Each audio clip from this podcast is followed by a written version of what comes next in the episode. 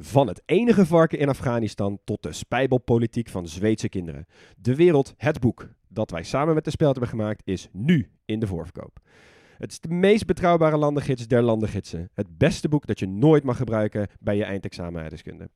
Ga naar grotepodcastlas.nl slash boek, bestel hem en dan heb je hem eind juni in huis. Hoi, wij zijn Thijs en Niels van de podcast Borrelpraat. De gezelligste podcast van Nederland. Waarin we grappige anekdotes vertellen. Zo nu en dan wat intieme dingen delen. Ik merk wel dat ik het een klein beetje moeilijk vind dat ik als tiran word gezien. En vragen naar spannende geruchten. Is dat nou gebeurd of niet? Ja, Want Ilias en ik hebben ja. niks gezien. En dat allemaal onder het genot van een borreltje. Oké, nog één biertje dan? Dus schenk jezelf ook maar een drankje in. En luister elke woensdag naar Borrelpraat. Ik krijg nu al dubbele tong. The Big Apple, the city that never sleeps. The city so nice, they named it twice. Think big on Broadway, be quirky in Queens. Bold in Brooklyn, from the Empire State via the Apollo Theater to Coney Island. If you can make it here, you can make it anywhere. Today in the Great Podcast Last, we got to talk to yous about New York. So grab your bagel with schmear and enjoy.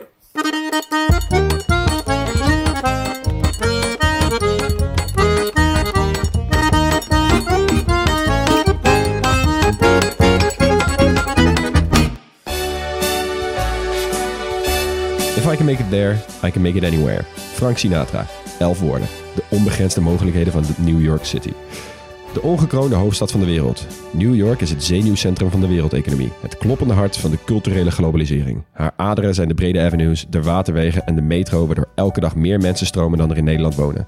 En het is een bond gezelschap. Of je nou Noord-Nepalees of Zuid-Zimbabwaans wil eten, er is vast een speciale wijk voor. Want niet alleen krijgt de wereld elke dag New York voorgeschoteld... maar New York krijgt ook al eeuwenlang de hele wereld op bezoek. Als wij als mensheid een antropologische ark van Noach zouden moeten samenstellen, zouden we bijna alleen maar in New York hoeven te shoppen. Als die American Dream nog levend is, vind je hem hier. Van sappelende bijstandsmoeders in de Bronx tot Jiddisch babbelende ultra-orthodoxen in Brooklyn. Van greed is good aan Wall Street tot spaghetti meatballs in Little Italy. Iedereen is onderweg op de ladder van de welvaart. Allemaal verenigd onder een knipoog van de dame op het vrijheidsbeeld. Zo. Wat een intro, hé. Wauw. Max dit schrijft die dingen altijd. Dus ik ben echt wel drie keer over mijn tong gestruikeld. Ik heb hem zeker niet geschreven in spreektaal. Nee, klopt. Nee. Hey, wat leuk jongens. We gaan een stad doen. Ja, en wat voor een? Ja, ja nou inderdaad. eh, go- Goed, goed om mee te beginnen. Ik denk voor de steden specials die eraan gaan komen, toch even uitleggen, is New York wel de meest logische om mee te beginnen. Wat jullie? Ja, absoluut. Ja, de moeder aller wereldsteden, Ja. denk ik toch wel. Ja. Ja, en voor als je je afvraagt waarom doen we dit nou precies? Eh, we be- beslissen natuurlijk eh, heel vaak dat we landen gaan doen. Die, dat beslissen we niet voor, voor onszelf. Die zijn er nou eenmaal. Maar er zijn ook landen die hebben tig keer minder inwoners dan een stad als New York of heel veel andere wereldsteden. Ja. Dus we dachten wel van die, die steden die zijn zo een entiteit op zich. Hoe tof is het om die ook gewoon inhoudelijk te gaan behandelen, net als een kleine podcastlasland. En eh, ja, ja. New York is natuurlijk wel een van de beste voorbeelden. Misschien ook even goed om een kleine definitie te, eh, te geven. Ehm, die wereldsteden die we willen gaan bespreken, dat zijn dus wel de steden die op zichzelf geen recht worden aangedaan op het moment dat je alleen het land behandelt. Ja, ja, precies. Dus eh, stel je hebt Australië, dan zit je qua Sydney of zo wel goed. Maar doe je nou Duitsland zoals wij pas, dan mis je echt Berlijn. Ja, precies. Ja. Die hebben echt een aparte geschiedenis, een aparte cultuur, een aparte impact op de wereld gehad. Dus die verdienen in onze ogen in ieder geval een kleine podcast las Ja. aflevering. Dus dat gaan we af en toe doen. Ja, en daar hebben we ons wel behoorlijk in verslikt. Ja, we, we hadden heel braaf inderdaad onderwerpen verdeeld. eh, zoals een kleine podcastlasland. Dus eh, eh, Max, jij in dit geval heel deel 1. Zo. Maar dan kom je natuurlijk al snel achter van ja, New York eh, verdient eigenlijk natuurlijk meer aandacht dan Ja. sommige andere landen. En eh daar is zoveel over te vertellen en te vinden. Eh, maar goed, we hebben de indeling toch maar zo gehouden. En eh, we zien wel waar het schip strandt. Ja. Dus op dit moment weten we dus niet hoe lang deze aflevering gaat worden. Maar Dus, jullie hebben toch allemaal vakantie, dus het maakt niks ja, uit. precies. Precies. Hey, eh, geweest jongens? Ja, Ja. Allemaal hè? alle drie.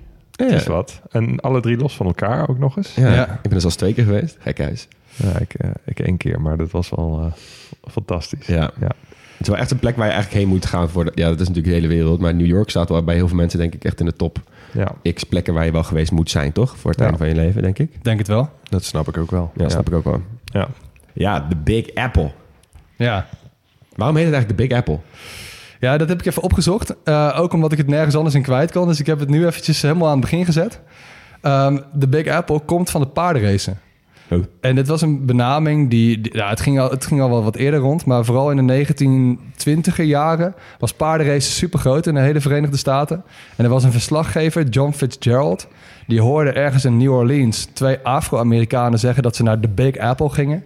Wat meer iets betekent in eh, het echte werk. De grote klapper. Ah, en daarmee verwezen ze naar de banen van New York. Want dat is waar het gebeurde. Oké. En daarom eh, ging New York ook, dat ging steeds meer een eigen leven leiden. En toen ging het uiteindelijk ook de hele stad, ging de Big Apple genoemd worden. Ah, oké. wat Interessant. goed. Wist ik Ja. niet. Nou, tof. Mooie voorbode op het paspoortje. Eh, voordat we dat gaan doen, mogen we weer wat vrienden van de show bedanken. Want eh, ja, dat gaat ook maar door. Ehm, Teun Borkento, Marijke, Martine Koumassa, Eunice, of Eunice, Eunice? Sharian Steenhuis, Dirk de Leijer, Angela en Mark van Eert. Ja, en Mark van Eert is een leuk verhaal. Ehm, die is eh, jarig vandaag, dus Ja. eh, gefeliciteerd. Dit weten wij, omdat hij heeft het vriend van de showschap gekregen van zijn partner Angela. Ja. Eh, die heeft als verjaardagscadeau, zij zei... gisteren was mijn partner voor de zoveelste keer leuke en interessante dingen uit jullie podcast tegen me aan het vertellen. En hij vertelde ook hoe blij hij is met jullie aanpak, omdat hij echt andere dingen te weten komt dan via krant en boek lezen. Kortom, hij is fan. En als fan heeft hij hem gewoon een, eh, een vriend van de show. Ja, vet origineel cadeau. Ja, Nooit over nagedacht, maar Nee. kan dus gewoon. Ja, echt superleuk. En, eh, ja, aan Angela en Mark en alle anderen natuurlijk enorm bedankt voor jullie steun. En welkom. En welkom. Nou, dan is het tijd om te gaan beginnen, jongens. Met New York. Waar ligt New York? Nou, de meeste mensen hebben wel een idee van waar New York ligt, maar het ligt aan de oostkust van de Verenigde Staten. In New York State. Maar het is niet de hoofdstad van New York State, want het is Albany. Heel klein stadje. Dus eh, wel mooi dat die dan alsnog gewoon hoofdstad kunnen zijn. Maar Ja. New York is dus niet de hoofdstad. En normaal doen we altijd de oppervlakte samen. Dat doe ik nu even samen met het aantal inwoners. Want het maakt nogal uit welke definitie je hanteert van zo'n stad. Ja, stad is wel wat anders dan een land. Precies. Dus New York City ehm, is echt within city, limits, zeg maar. Dus de, eh, nou ja, de, de kale stad, als je het zo zegt, zonder voorsteden. Ja. Die zijn ongeveer qua oppervlakte net zo groot als de Faroe-eilanden. En daar wonen 9 miljoen mensen ongeveer. Zo. Maar de metro area, dus echt inclusief voorsteden, is dan wel weer een kwart van Nederland qua oppervlakte. En daar wonen meer dan 20 miljoen mensen. Zo. Ja. Dus dat is ook meteen het kutte van waar baak je dit soort dingen af? ja. Ik zag even dat ehm, ze zijn ook onderdeel van de Northeast Megalopolis. Die loopt van Washington D.C. via Baltimore, Philadelphia, New York naar Boston. Ja. Ja, de, de Boswas region wordt Juist. ook genoemd. Ja. En daar wonen dus 52 miljoen mensen. Dus het is wel Zo. moeilijk om, om een stad te begrenzen hier Ja. in dit geval. Ja, het is niet zoals inderdaad bij landen dat je gewoon duidelijk hebt, dit is de grens.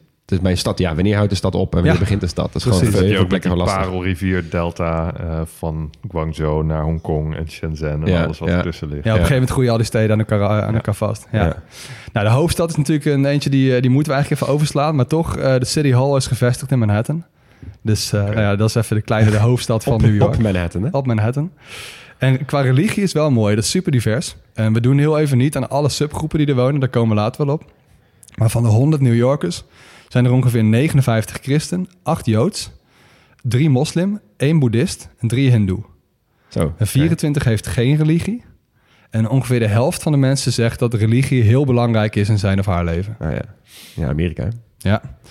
En we hebben landen gehad met heel veel verschillende talen. En dat zijn dan wel native talen, hè, dus in, in, in ja, oorspronkelijke talen van het Ja. land zelf. Papua Nieuw-Guinea is degene met de meest.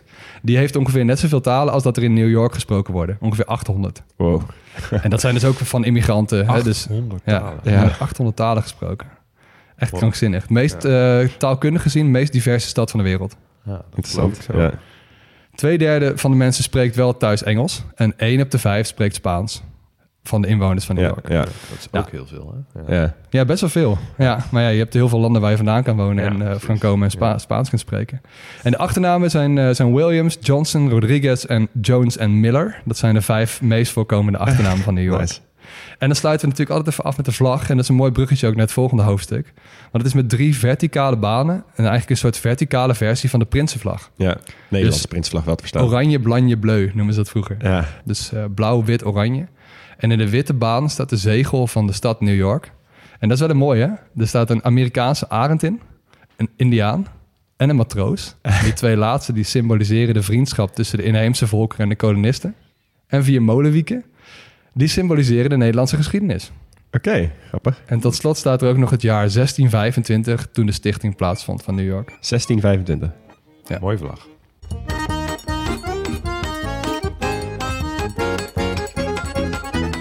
Nou, en het is nu echt, echt tijd om te gaan beginnen. Want de demografie, dus bevolking, geschiedenis en politiek van de stad New York. Nou, ik ga even, eh, ik ga even zitten. Ja, Dit gaat een tijdje duren. Dus eh, even vooropgesteld, we gaan heel even een kleine anatomie geven van de stad. Want New York, hè, bedoel, wat, wat verstaan we nou precies onder New York?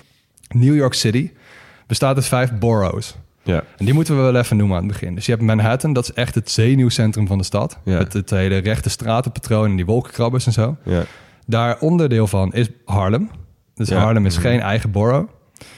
Als je de rivier overgaat naar het oosten, naar het zuidoosten, dan kom je Brooklyn tegen. En Brooklyn is de, eh, de borough waar de meeste mensen wonen. Aan de overkant is van de East River. En dat is genoemd naar Breukelen. Ja, Ja. nice. Ja. Eerste stukje Nederlandse geschiedenis. Als je daar weer naar het oosten gaat, kom je naar Queens. En Queens is qua oppervlakte de grootste borough van New York. En ga je naar ten noorden van Manhattan, dan kom je de Bronx tegen. En ten zuiden van Manhattan, daar ligt Staten Island. Ja. Genoemd naar de Staten- Staten-Generaal. Ah, vet. Ja. Ja. Joh. Ons parlement. Ja. En aan de westkant, eh, aan de overkant van het water van de Hudson River, daar ligt eh, New Jersey. Dus dat is al geen onderdeel meer van New York City. Ja. Nee, En en de zelfs een andere staat. Dus. Exact, ja, Ja. zelf een andere En de staat. eeuwige rivaliteit ook. Ja, ja. En ehm, ik sloot natuurlijk even net af met Queens en Staten Island. Dat zijn de twee eh, die, die ik de laatste noemde. Het mooie is, dat zijn er wel de eerste die je tegenkomt op het moment dat je naar New York vaart. Dus die worden verbonden door een brug die is vernoemd naar Giovanni da Verrazzano, de ontdekker van New York. Hij was een Franse dienst. En vroeg in de 16e eeuw kwamen die Fransen dus al langs, maar ze gingen simpelweg niet ver genoeg landinwaarts om Manhattan te ontdekken. Dus die voeren door. Ja. Wie dat wel deed, Manhattan ontdekken, is Henry Hudson Ja. in 1609. In een Brit in dienst van de VOC. En die Nederlanders die begonnen daar een handeltje in Pelzen. En die stichtten een jaar of 15 later een nieuwe kolonie. En dat werd uiteindelijk Nieuw Amsterdam. Ja. Voor 60 gulden ongeveer. Kochten ze dat van de inheemse bevolking. ja, dat zou niet allemaal heel netjes gegaan zijn, denk ik. Nee, ja, dat weet ik eigenlijk niet zo goed hoe dat gegaan is. Maar het is wel, ja, nu bij dat best wel een goede koop. Ja. Ooit geleerd van Bas en Adriaan. Eh, de belangrijkste gouverneur in die tijd was de Calvinist Peter Stuyvesant. Ja. Eh, de oude directeur van de ABC-eilanden, dus van Aruba, Bonaire en Curaçao. Ja, je noemt nu ook allemaal namen waar onderdelen van wijken en zo. Je hebt in, eh, in Queens heb je een deel dat heet Bedford Stuyvesant. Ja, precies. Ja. Dus ja. het gaat inderdaad nog verder. Ja. Die, eh, dat is wel mooi. Die, die Peter Stuyvesant die had ooit een aanvaring gehad met de Spanjaarden. Sindsdien had hij een houten been. En ze noemden hem ook al Peg Leg Pete. Peg Leg Pete. Ja. Nice. Nou, hij beschermde de kolonie zo goed als hij kon. Eh, bouwde ook een muur ter fortificatie. En dat werd uiteindelijk ook Wall Street. Ja. Dus Ja. nog zo'n eh, nog zo'n naam. Precies. En verder Ja. nog Nederlandse andere namen die, eh, die misschien wel bekend zijn. Je hebt in Queens heb je een wijk liggen die heet Flushing Vl- Vlissingen. van Vlissingen. Ja. En je hebt natuurlijk Harlem. Ja. Ja. Ja. En zo heb je er wel meer, zoals jij net noemde, Leo. en je hebt Broadway. Broadway, ja. Ja, Precies. Brede weg. Ja, dus eh, ga goed in New York kijken en dan blijf je die dingen tegenkomen. En in de tweede helft van de 17e eeuw toen raakte ehm, Nederland de kolonie kwijt aan Engeland. En bij latere onderhandelingen na oorlogen gaven ze de voorkeur aan Suriname en aan het Molukse eiland Run, hè, de Nederlanders. En dat leverde ons dan de nootmuskaatmonopolie op. Dus nou ja, zo gingen die dingen vroeger. en eh, uit die tijd komt ook de term Yankee. Ja. Want de Britten, dit is waarschijnlijk een, een scheldwoord van Britse kolonisten aan de Nederlanders. Ook wel Yankees. Hè, de Ja. Nederlanders die heten dan Yankees. En dan gingen ze dan. Yankees noemen. Hier is heel veel onderzoek naar gedaan, maar ik weet niet precies. Volgens mij, ze zijn niet 100% over uit dat dit Nee. het is. En er zijn wat andere, andere theorieën ook. Maar dit is gewoon de leukste, hè, dus laten we deze gaan aanhouden, toch? Ja, Sommige zijn dingen wat niet doodfact checken. Precies, er zijn wel wat mits en maar. En volgens mij weet niemand het 100% zeker. Nee, je kan het nu natuurlijk ook nooit meer helemaal onderzoeken. Nee. Maar Yankees voor Yankee vind ik altijd wel leuk. Vind ik de leukste. Ja. Nou, nou, Nieuw-Amsterdam werd dus Engels en ging verder de geschiedenis in als New York. En die stad die werd heel belangrijk als inzet van de Amerikaanse onafhankelijkheidsoorlog. Die Amerika natuurlijk voerde met Engeland. Ja. Die volgde op de onafhankelijkheidsverklaring van Amerika in 1776. Ja. En na die oorlog werd New York ook de eerste hoofdstad van de VS. Maar dat bleef maar twee jaar. Toen, toen raakten ze die titel kwijt aan Philadelphia. Ja. Maar vanaf het jaar 1800 ongeveer, toen ging het echt heel hard met de ontwikkeling van New York. Dus aan alle kanten kwamen de mensen af op het ambachtelijke centrum dat New York werd. En ook vooral op het industriële centrum dat New York werd. Ja. En daarmee werd het voor de eerste keer ook de grootste stad van de Verenigde Staten. En dat was ook meteen ongeveer de laatste tijd waarin de samenleving van New York volledig of overwegend draaide op mensen die in Amerika geboren waren, op Amerikaanse staatsburgers. Ja. Even ter vergelijking, nu is ongeveer 36% van de bevolking van New York niet in de VS geboren. Wow, meer dan een derde? Ja. Zo, dat is veel. Ja. En die immigratie die ging pas echt los in de 19e eeuw. En vanaf nu gaat geschiedenis en immigratie een beetje door elkaar heen lopen. Ehm, want je had natuurlijk een gigantische economische groei van de VS en New York voorop. Ja. Dus er kwamen mensen van heinde en verre die kwamen naar New York toe. De eerste golf eh, was West-Europees. Dus grote aantallen Ieren kwamen. Hebben we ook in Ierland gezien. Ja. Ja. Gevolgd door de Duitsers, door de Italianen, de Joden en nog veel meer. Ja. Kom zo een beetje op die ruimtelijke verdeling van die groepen. Ja. Ehm, Nice. En eind 19e eeuw kreeg je ook het geschenk der geschenken. Want Frankrijk gaf de VS het vrijheidsbeeld cadeau. Ah, ja. Ja. Ja. Als symbool voor de grote emigratie naar de nieuwe wereld, maar ook als eerbetoon aan de afgeschafte slavernij en van de wortels van de Franse revolutie en het Amerikaanse vrijheidsdenken. Super vet. Geef je gewoon een standbeeld. Ja, geef je gewoon een en niet, standbeeld. en niet zo'n kleintje ook. Ja. Mm. Nou, in die tijd eh, zie je ook wel dat eh, New York ongeveer de grootste bevolkingsgroei heeft gekend die, die, ooit- die ze ooit hebben gezien. Dus even wat cijfers. Tussen 1840 en 1860, dus in 20 jaar, groeide de bevolking van minder dan 400.000 naar 1,1 miljoen. Jo. En als je het ietsje breder trekt, van 1790 tot 1910, dus in 120 jaar, van 50.000 mensen naar bijna 5 miljoen. Zo, dat gaat hard. Echt normaal. Maar ze hebben toch ook ehm, eh, van die registers daar nog staan van iedereen die toen New York inkwam, vaak per schip Ja. toen nog. Op Ellis Island. Op Ellis. Island, Dat inderdaad. eh, Ja. Een eiland naast het eiland waar het vrijheidsbeeld op staat. Waar Ja. die schepen binnenkwamen. Mensen ge- gekeurd werden eigenlijk. Ja. Gecheckt op ziektes. En, eh, Ja, Geregistreerd. en En geregistreerd. daar kan je nu best wel vaak ook nog je heritage, waar die Amerikanen natuurlijk helemaal gek, gek op zijn. Kun je daar eh, vaak herleiden van, oké, wanneer kwamen mijn voorouders, zetten zij eh, voor het eerst voet? ja, want iedereen heeft wel een migratiegeschiedenis daar. Ja, Uiteindelijk wel. Ja. Bijna iedereen. Ja. Nou, met de groei van die bevolking eh, ging die stad er ook wel echt anders uitzien. Dus je had Central Park, werd het eerste Amerikaanse park dat bewust ontworpen werd. Dat hele rechte stratenpatroon op Manhattan, dat werd aangelegd in die tijd. Maar ook de gebieden buiten Manhattan werden dus steeds meer ontwikkeld. Dus toen gingen Brooklyn en zo ook groeien. nou ja. En rond de eeuwwisseling ging natuurlijk ook de New Yorkse metro rijden. Ja. Waarover later meer. En een andere ontwikkeling die rond de eeuwwisseling plaatsvindt... heeft te maken met de Amerikaanse burgeroorlog. Want die was in, of in 1865 was die beslecht in het voordeel van de noordelijke staten. Dus de slavernij werd ook afgeschaft.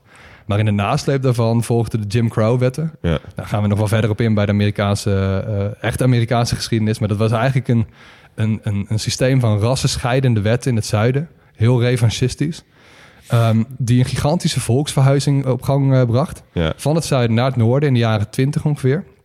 Die kennen wij als de grote Afro-Amerikaanse volksverhuizing. Ook wel de Great Migration. Ja. En daardoor kwamen er ook voor de eerste keer veel Afro-Amerikanen naar New York City. ja, dat zag je inderdaad ook in eh, steden als Chicago en Detroit en Washington. waar- precies. Ja, Alles wat eh, later, ook, later ook een beetje die Rust Belt is geworden, zeg maar die echte grote industriële boom. Heel veel Ja. mensen die kwamen vanuit het zuiden. Ja. Ja. Nou, symbool daarvoor staat ook wel de Harlem Renaissance. Eh, een enorme zwarte eh, culturele opleving die de gemeenschapszin ook echt een hele grote boost gaf in Harlem. Dat was ook ongeveer rond de jaren 20. En de jaren 20 waren sowieso wel hele wilde jaren voor de stad. Ja, Eh, Roaring Twenties. Zeker, want de economische, economische groei was super groot. Ja. Je had net de Eerste Wereldoorlog gehad. Dus kende hele grote winnaars, maar ook hele grote verliezers. En een van de manieren om de armoede te bestrijden volgens sommige poli- politici was de drooglegging. Ja, ja, ja. En dat was natuurlijk weer koren op de molen voor de New Yorkse maffia. Ja. Ontstaan vanuit de grootschalige immigratie vanuit de Italianen. Oh, Dus ja. weer weer zo'n groep. ja. Nice.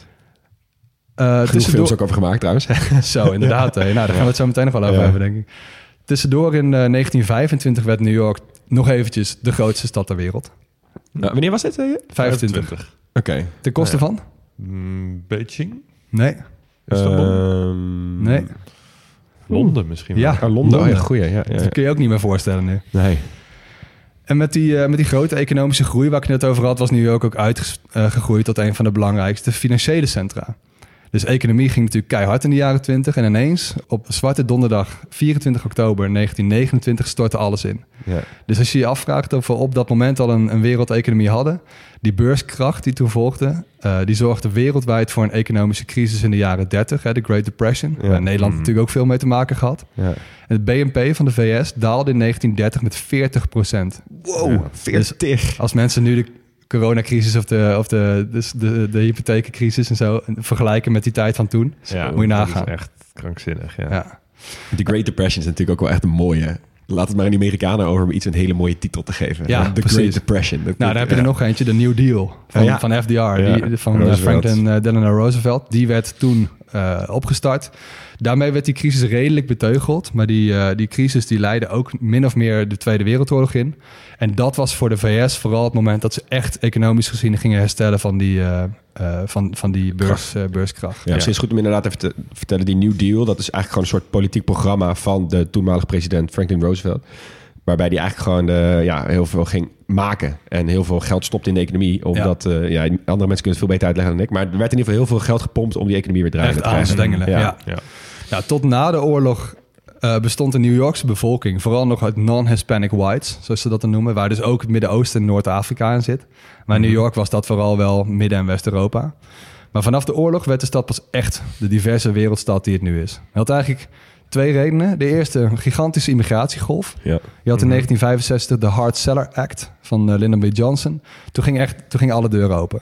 Dus dan kreeg je kenniswerkers vanuit de hele wereld. Uh, maar ook mensen die vanuit allerlei regio's te maken hadden met de Koude Oorlog. Dus je had uh, Joden uit de Sovjet-Unie bijvoorbeeld die vluchten. mensen uit Zuidoost-Azië die toen vluchten. Maar ook bijvoorbeeld Chinezen, hoewel die immigratiegeschiedenis al wat verder teruggaat. Ja. Hmm. Um, mensen uit Puerto Rico kwamen bijvoorbeeld. Ja. Maar ook alle handen natuurlijk wereldburgers op zoek naar goed geluk, naar de nieuwe wereld. Ja. Ja. Ja, ik, ik, weet nog de aflevering Guatemala of zo. Hadden we het ook over de uh, diaspora. Dat bijna iedereen, um, iedere Guatemalteek buiten Guatemala woont in de Verenigde Staten. En dan ook nog eens in New York. Ja, moet je nagaan. Dus uit Midden-Amerika is, is er gigantisch veel gemigreerd. Ja, en dan zijn zij misschien een half procent van de New Yorkse bevolking of zo. Ja, klopt. Nou, een tweede reden nog uh, dat die stad zo divers is geworden... gaat over de hippiebeweging en de LHBTI-rechtenbeweging. Uh, zeer activistisch rond die tijd. Die hebben echt gewoon moeten vechten voor hun plaats. Ja. Um, ja, letterlijk. ja, letterlijk zeker. moeten vechten. Die Stonewall Riots. Precies, die waren in 1969. Stonewall was een, uh, een queer bar, zeg maar. En daar, daar, nou, mensen raakten daar slagen met, uh, met de politie. En de politie die, die trok gewoon naar binnen, zonder dat ze eigenlijk goede reden hadden. Ja, dat geldt ook wel als de eerste keer dat zij ook echt als groep terugvochten tegen het onrecht dat er door de politie werd aangedaan. Ja. En ook echt een plek uh, opeisten in de samenleving. Ja. En het grappige is wel, de herdenking van die rellen, die, die zijn uiteindelijk uitgegroeid tot de Pride. Ja. Ja, alle dus het heeft zijn wortels in New York. Ja. Hm. Nou, in de jaren late, of late jaren 60 en 70 was New York niet de fijnste versie van zichzelf. Um, net als in veel andere steden in Amerika. Veel rassenrellen, veel criminaliteit. Heel veel bendegeweld. Heel veel drugs. Heel veel drugs. Uh, die uh, crack-epidemie had je ook nog. En die, die criminaliteit en die, uh, die, dat geweld... dat kwam vooral tot uiting bijvoorbeeld tijdens de rellen en plunderingen die ontstonden tijdens de stroomuitval van juli 1977. Lamerade, die heet ook The Great Blackout. Uh, dat zou wel eens kunnen, ja. ja dat zou niks verbazen. Nogmaals, anders heb je een nieuwe term gekomen. Ja. maar vooral um, delen van de Bronx en Harlem hadden toen echt een hele slechte naam. En uh, wie de afgelopen tien jaar in New York is geweest... die kan zich ook echt niet voorstellen dat rappers als Biggie bijvoorbeeld opgegroeid zijn in Brooklyn. Ja.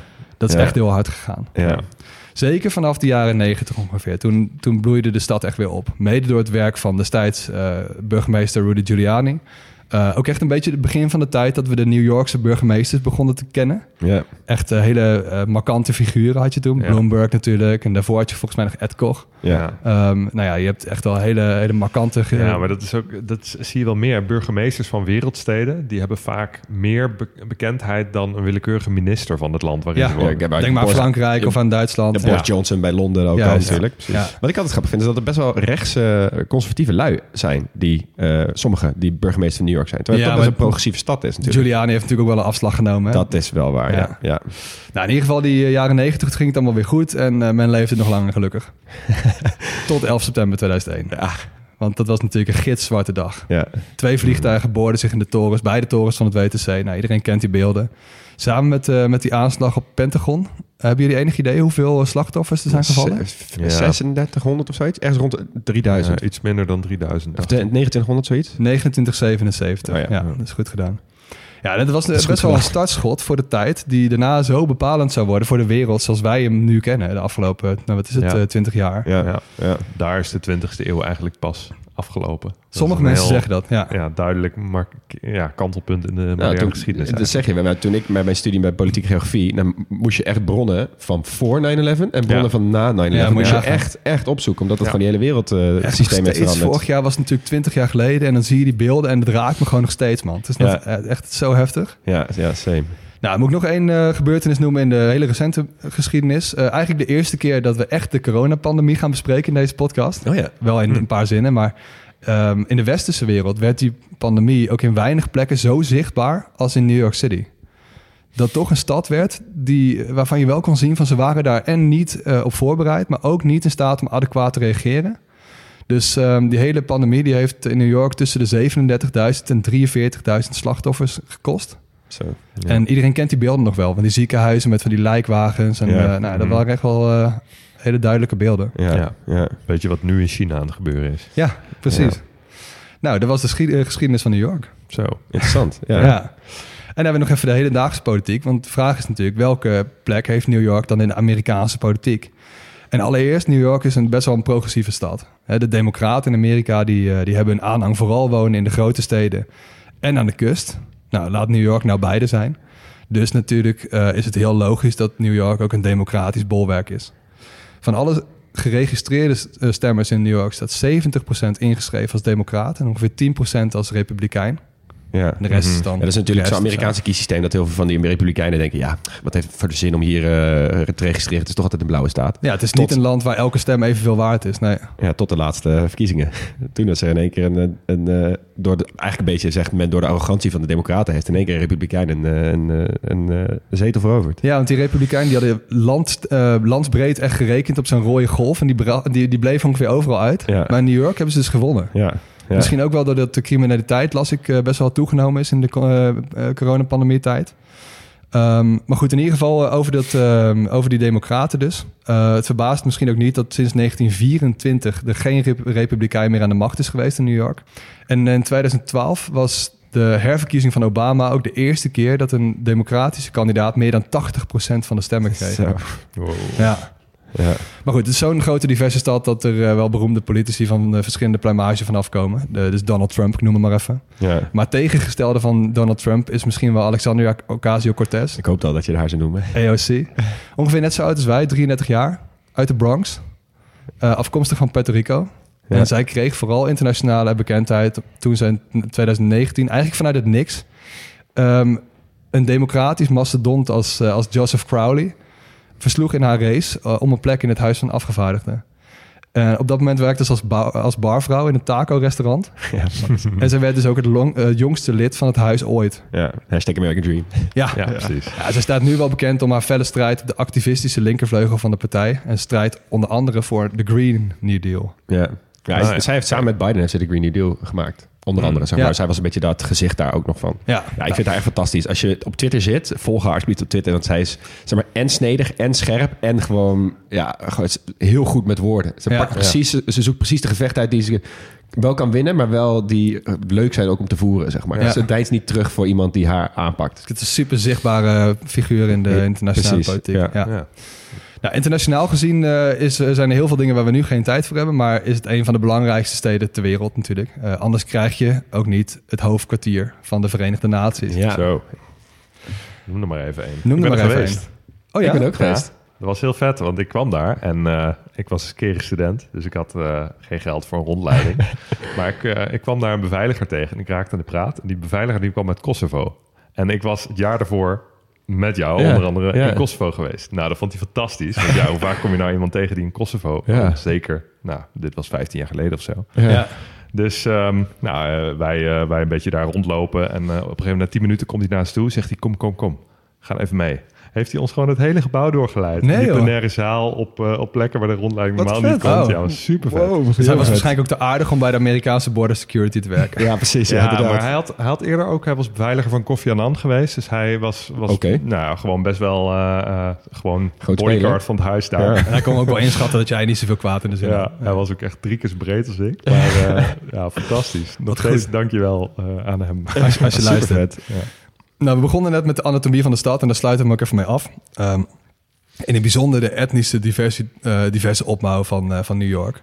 Eh, kijk, we hebben natuurlijk al best wel wat, wat immigrantengroepen genoemd. New York is aan de ene kant is het de smeltkroes. Aan de andere kant staat het heel erg bekend om zijn clustering van immigranten. Dus de twee bekendste, die liggen in Lower Manhattan. Dus echt midden in de wolkenkrabbers, zeg maar. Heb je Chinatown liggen en Little Italy. Ik heb even ingezoomd. In Little Italy is tegenwoordig ook wel best wel veel noedelzaken en eh bubble tea eh, restaurants en zo. Ja. Maar je hebt ook in uh, Brooklyn heb je bijvoorbeeld Little Poland, Little Odessa. Uh, in Manhattan ligt Koreatown. Ja, ja. in Queens liggen ook nog een Chinatown en Little India en Little Guyana. Kijk, je kunt echt uh, zo obscuur hebben als je, als je wil. Ze hebben het wel. En Borough Park bijvoorbeeld in, uh, in Brooklyn. Daar wonen heel veel orthodoxe joden. Ja, ik ben daar doorheen gefietst. Ja? Dat is zo bizar, want het is echt uh, verschil van dag en nacht als je dat gewoon fietst. Dan, ja, zeg maar, Eerst fiets je gewoon over de straat. Overigens, grote tip als je naar New York gaat. Ga fietsen. Ga fietsen. Ja, die, lekker over die brug. Je moet wel ook even de metro nemen, omdat het gewoon dat is een hele ervaring op zich. Maar dat fietsen is echt fantastisch. Maar dan fiets je in één keer in een wijk en in één keer is het heel, bijna helemaal stil in de wijk. Je hoort nergens meer muziek of geluid. En dan kijk je om je heen en zie je super veel orthodoxe ultra-orthodoxe joden met pijpenkrullen en klassieke gewaden, zeg maar. Ja. En voor je het weet, dan fiets je daar in één keer vijf minuten in en dan in één keer hoor je weer overal muziek en dan is het weer heel leven. Het is echt, was echt heel raar. Ik weet niet of het toevallig Shabbat was of zo, dat het, dat het me zo opviel, maar... Ja. Het is al een, visu een, visuele herkenbare groep. Heel visueel, ja. Je ziet het van een afstand natuurlijk. Ja. en door die extreme segregatie eigenlijk zijn die wijken ook zo uh, geprononceerd eigenlijk, zo zichtbaar. Ja. Ja. Ja, en dan is natuurlijk de rest, wat ik nu niet noem, dat is of een nog een kleinere groep, of het is dus wel echt die smeltkoers die New York echt wel tekent. Ja, en ik vind sowieso de, de namen van, uh, van heel veel wijken in uh, New York vind ik heel opvallend. Meatpacking uh, District en Soho, wat dus staat voor South of Houston. Ja. Dus zeg maar South of Houston Street. Ja, je hebt bijvoorbeeld nog Tribeca bijvoorbeeld, ook zo'n samenvoeging. Tribeca, ja, precies. Dat doen ze in New York wel vaker, ja. Ja, ja en die, wat ik ook wel mooi vind is die immigrantengroep, de mensen uit Puerto Rico in New York noemen ze dan New Yorkers. dat, dat soort dingen. Ook een goede. Ja. Nou, echt om even af te sluiten. New York is natuurlijk een stad om uh, vooral goed te, te, vangen in een paar mooie quotes. Dus uh, ik heb er even een paar mooie van jullie. De eerste is van, uh, van Fran Lebowitz. En ze zei, when people say, why do you live in New York? You can't really answer them, except that you know that you have contempt for the people who don't have the guts to do it. um, John Updike zegt, um, the true New Yorker secretly believes that people living anywhere else have to be in some sense kidding. um. Acteur Harry Ruby zegt: Living in California adds 10 years to a man's life, and those extra years I'd like, I'd like to spend in New York. nice.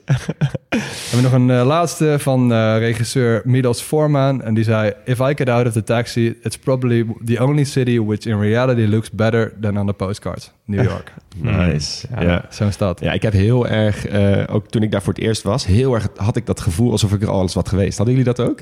Omdat je het zoveel ziet in films en series en whatever... en kunst en ja, muziek en ik was 16, wel, dus ik had het niet zo heel erg. Maar... Ik weet wel, wij kwamen aan op Newark. Dus aan de overkant van de Hudson in New Jersey eigenlijk. En vanuit uh, liep je van de, van de aankomsthal naar de, naar de douane. En dan kijk je door zo'n glazen ruit. En dan keken we uit op Manhattan. Zag je in de verte ja. het Empire State Building. De zon ging net onder. En ja. toen dacht ik wel echt, wow, ik ja. ben er. Ja, echt. Ja. Het zijn ook, ik denk dat de, de stad is in de wereld waar je het meest bent... Uh, om ook uh, beelden te toetsen die je al hebt. Ja. Ja, dus ja. dingen als Times ja. Square en zo. Je moet er een Ja. keer heen en dan kijken of het ongeveer zoiets is. De meeste plekken waar je heen gaat, die ken It's je al. Pretend Ja. It's a City kijken. Ja. Dat is een interviewsessie van haar en Martin Scorsese over New York en wat New York nou heel raar maakt. We zetten hem op de website als tip.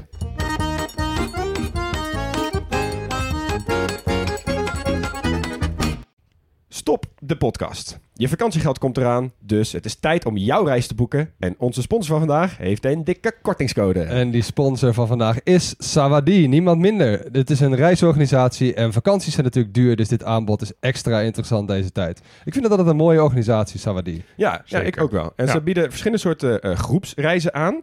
Eh, en vandaag gaan we het even hebben over die ze aanbieden aan de 22 tot 35-jarige backpackers. En dat zijn over het algemeen mensen die wel wat meer willen weten over het land dat ze bezoeken. En dus niet zomaar van A naar B die hotspots aflopen, busje in, busje uit. Ja, en het zijn ook mensen die het vaak leuk vinden in een groep eh, te reizen. En eh, die groepen die blijken ook heel snel vriendengroep te worden. Zowel tijdens de reis als daarna. Eh, mensen komen vaak nog heel, veel, heel vaak met elkaar terug, spreken af om te meeten en zo. En je kunt dus ook echt naar heel veel plekken op de wereld. Populair zijn op dit moment plekken als Zuid-Afrika, Marokko, Jordanië, Colombia, Nepal.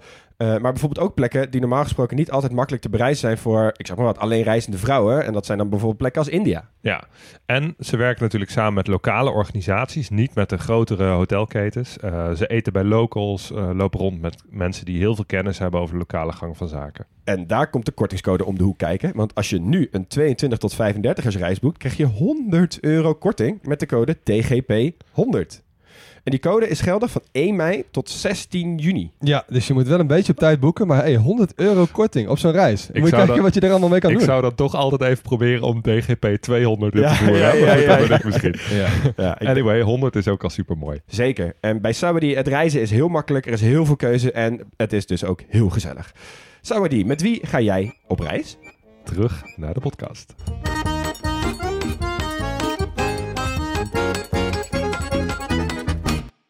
Nou jongens, de fysische geografie van een stad is Ja. natuurlijk een beetje eh, een ander verhaal dan van een land. Ehm, maar desalniettemin is er echt een hele hoop te vertellen. Dus ga er even voor zitten. Ik ben benieuwd hoe Ehm, je deze hebt ingevuld, inderdaad.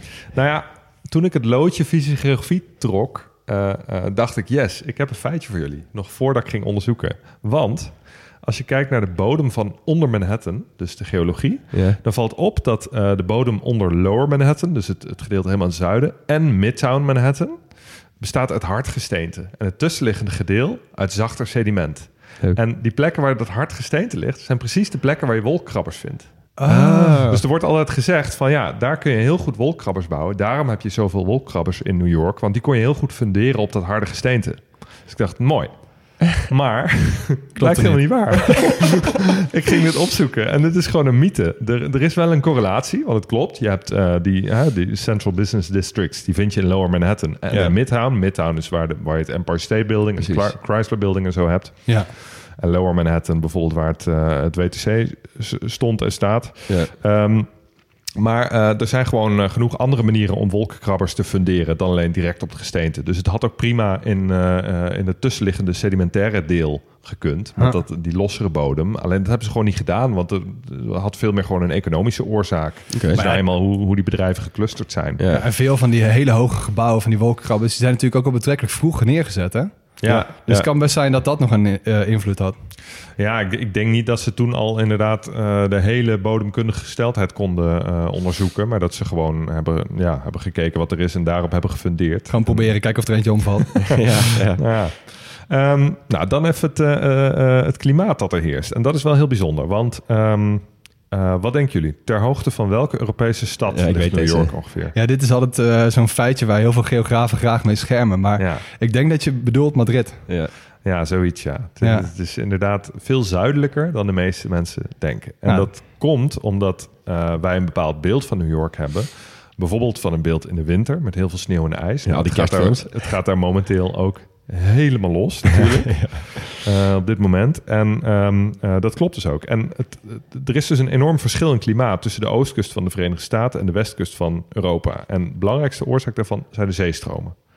Want ehm, de eh, westkust van Europa staat onder invloed van de golfstroom. Dus een warme zeestroom die vanuit het Caribisch gebied naar Europa gaat. Terwijl in ehm, eh, New York de zeestromen vooral vanuit het noorden komen, vanuit het Noordpoolgebied. Dus de, de, de oceaantemperatuur is daar veel kouder. En dat heeft heel veel invloed op het weer. Ehm, de wind is ook een factor. In, in West-Europa heb je vaak eh, eh, zeewind. Nou, dat zorgt voor een matig klimaat. Dus in de winter is het namelijk zacht. In de zomer is het niet super warm. Ja. Ehm, en in New York heb je wat vaker dan hier eh, wind over land. En dat betekent dus in de winter best wel koud. En in de zomer ook best wel warm. Want eh, eh, New York heeft wel een zeeklimaat, maar een, een, een stuk minder matig dan het Europese klimaat. Dus Ja. meer richting een landklimaat, zeg maar. Ja, ik weet nog, ik was afgelopen jaar in het noordoosten van de VS. Mhm. Eh, ook in staten als Vermont en eh, New Hampshire en zo. Mhm. En daar zeiden ze ook dat dat een van de... Dat zijn een paar van de koudste plekken in zeg maar, de bewoonde wereld. Ja. En dat ligt dus precies inderdaad bij die hele eh, continentale winden. Ja. En die zeiden ook dat tot niet heel lang geleden eh, was een bepaald punt bovenop zo'n berg de, de plek met de hardste wind ooit. Ah ja. Ja, ik noem maar. ja precies. Nou ja, als, als die dus vanuit Canada komt, dan weet je wel hoe laat het is in de winter. Ja. In de zomer trouwens ook, want eh, eh, de gemiddelde zomertemperatuur in New York ligt ook wel weer hoger dan bijvoorbeeld in Amsterdam. Ja, ja. Dus het is er in de, Ja. in de, in de zomer ook weer een stuk warmer. Dan li- dan zit je gewoon aan de zee, maar het voelt alsof je op een landklimaat zit. Nou ja, dus, dus zo is het een beetje. Ja. Ehm, dan even over eh, eh, de natuur aan het oppervlak. Er is natuurlijk weinig meer over van de oorspronkelijke vegetatie. Ehm, eh, maar daar hebben ze wel iets voor teruggebouwd. En dan heb ik het natuurlijk in eerste instantie over Central, Park. Ja. Ja. Ehm, dat is aangelegd in de 19e eeuw. En daarmee het grootste park in de Verenigde Staten. Dus best wel een revolutionair idee natuurlijk... om op een gegeven moment in steden te bedenken van... hé, we hebben misschien ook wel behoefte aan een beetje natuur Ja. in de stad. Het is echt gigantisch. Het is eh, ruim vier kilometer lang en bijna een kilometer breed. Dus als je er een rondje omheen loopt, is het 10 kilometer. Eh, doen ook veel mensen hardlopend. Ja. Ehm, daarmee is het ook groter dan sommige landen... waar we een hele aflevering over maken. ja. Ja, ehm, maar toch is het niet het grootste park in New York. Er is een park in de Bronx dat nog groter is. Echt? Ja. Ja, maar de Bronx ligt dus ook eh, geografisch gezien best wel mooi. Want Mhm. die, eh, het is een heel klein, smal stukje waar men in het begin... maar die rivieren die waaien er helemaal uit. Ja. Dus Ja. er is heel veel water in New York. Veel Ja. meer dan mensen, dan mensen denken. Ja. Ja, klopt. Nou, je hebt ook inderdaad eh, eh, best wel eh, veel openbare stranden. 22 kilometer aan openbare stranden in New York. Zo joh. Eh, vooral langs Long Island. Maar dat komt inderdaad omdat je aan, aan alle kanten water hebt. Het zijn allemaal schiereilanden en eilanden. Ja. Ja. Ja. Central Park is misschien wel extra bijzonder als park... omdat je weet dat het midden in het duurste stukje stad ter wereld zo ongeveer Ja, ligt. ja. Dus, Ja, dus als je bedenkt wat daar de grond kost... en er ligt dan een park. Dus dat maakt het, eh, het is ook zo contrastrijk... met de enorme hoogbouw die je aan de randen ervan vindt. Ja, Ja. Die juist extra duur zijn omdat ze uitkijken op Central Park. Precies. Ja, Ja, die. Fifth Avenue, die loopt er langs. En dat is Ja. de bekendste de, Ja. dure straat Voor een van mooi New York. plaatje van dat contrast, eh, kijk vooral even op de website. Ehm, het park is best wel lang eh, genegeerd geweest. Eh, slecht onderhouden. Eh, had ook een hele slechte naam. Nou, in die jaren 60, 70 en ook wel 80, waar Max het al over had, eh, ehm, dat het niet zo goed ging met de stad, was Central Park ook echt een plek waar je niet wilde komen. Nee. Zeker s'nachts niet. Tegenwoordig is het helemaal opgeknapt en het is juist weer heel veilig. Ehm, eh, het trekt 40 miljoen bezoekers per jaar. Zo. What? Ja. Dus, dat, Dat is net zoveel als hele regio's die wij bespreken. Ja, klopt. het is ook de, de meest gefilmde locatie ter wereld. Ah ja. Ja. Ja. Ehm, hoewel Central Park best biodivers is, kun je in New York ook een klein beetje vals spelen als je op zoek bent naar leuke planten en, en beestjes. Want eh, de Botanical Garden kan ik zeer aanbevelen. en daarnaast is de Bronx Zoo. En die is ook echt, echt heel beroemd. Dus Lekker dat je bij biodiversiteit gewoon je toch op safari? meepakt. Ga daar gewoon naartoe. Ja. Wat goed. Nou, dan gaan we even over, over naar economie. Ehm, ja, economisch gezien is New York natuurlijk de zakenstad van de wereld. Ehm, financieel vormen ze samen met Londen en Tokio eigenlijk de top drie. Maar ik durf toch wel te stellen dat New York nog wel echt even een treetje boven die andere twee staat. Ja, if you can make it here, you can make it anywhere. Ja, toch? Ehm, ja, ik bedoel, maar ze hebben de twee grootste effectenbeurzen ter wereld. De New York Stock Ex- Exchange en de Nasdaq. Ehm, Midtown Manhattan, dus eh, eh, regio rond Empire State Building, zeg maar even. Dat is het grootste Central Business dis- District van de wereld. Jo. Oké, ja. En dan hebben ze ook nog Lower Manhattan. Eh, Daar ligt Wall Street. Wall de Street, inderdaad. Daar ligt, heb je inderdaad Wall Street, de beurs. En eh, nou ja, door al die zakelijke functies zou je bijna vergeten dat New York samen met Jersey City, dus in New Jersey aan de overkant, ook een enorm grote haven heeft.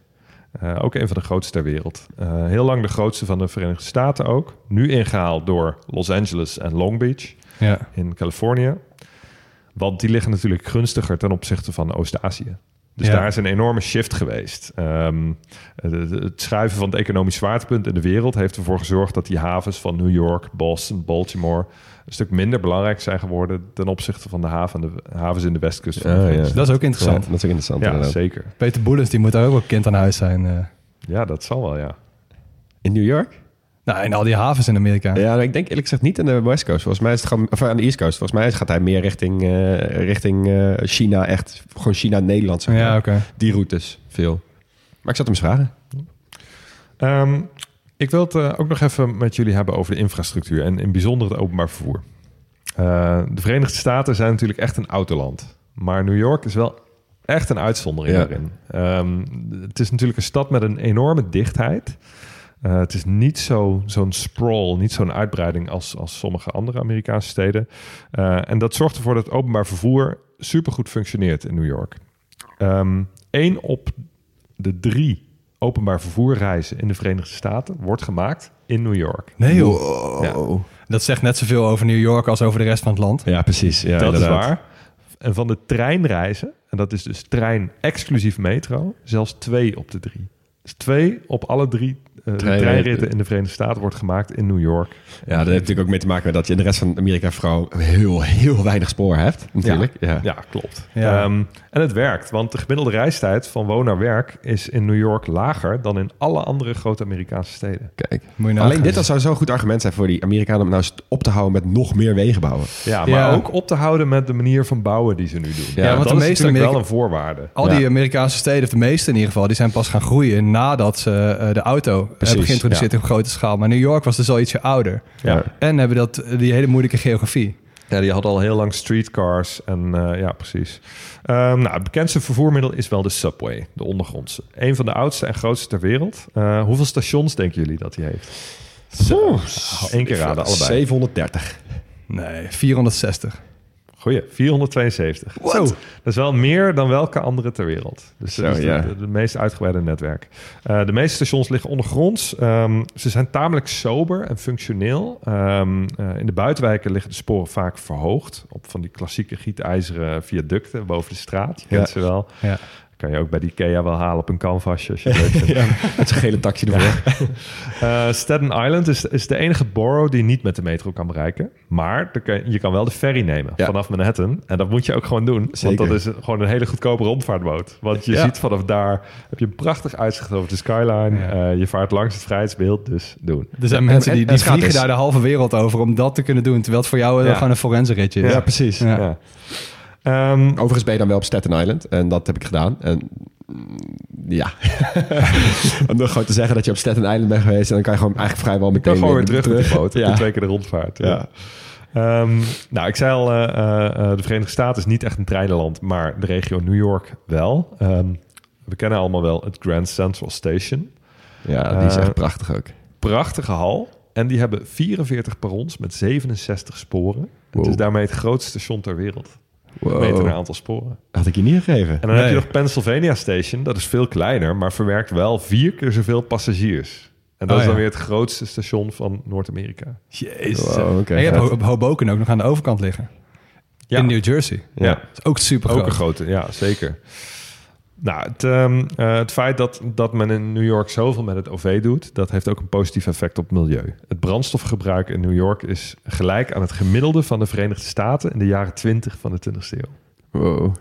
Dat is, Dus eh, Eh, Wow. dat is echt knap. ja, de- laat het even op je inwerken. Ja. dus gewoon Ja, dat de, de levensstandaard. Ja. van toen, het, de, de mate van autobezit van toen, dat is nu zeg maar het gemiddelde van het brandstofgebruik in New York.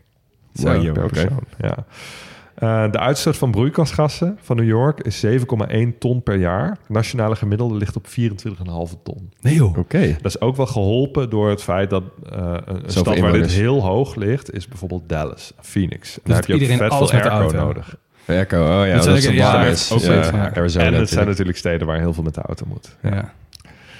Ik denk dat je dan in New York dus ook niet die eh 24-lane highways hebt en zo. Die je wel eens hebt in, in LA. Dallas en in Houston en dat soort staten Ja, het steden. zal er wel iets minder zijn. Je hebt natuurlijk in, de, in het eh, eh, dicht bebouwde deel van New York ook niet zo heel veel plek om dat soort dingen alsnog aan te gaan leggen. Nee, daarom. Ja. Ja. Ehm, waarom je naar New York toe moet gaan, daar hebben we denk ik al wel genoeg over uitgeweid. Eh, eh, en dat doen ook heel veel mensen. Ehm, even voor corona eh, was New York natuurlijk een, een enorme toeristentrekker. En het begint nu natuurlijk ook weer op te krabbelen.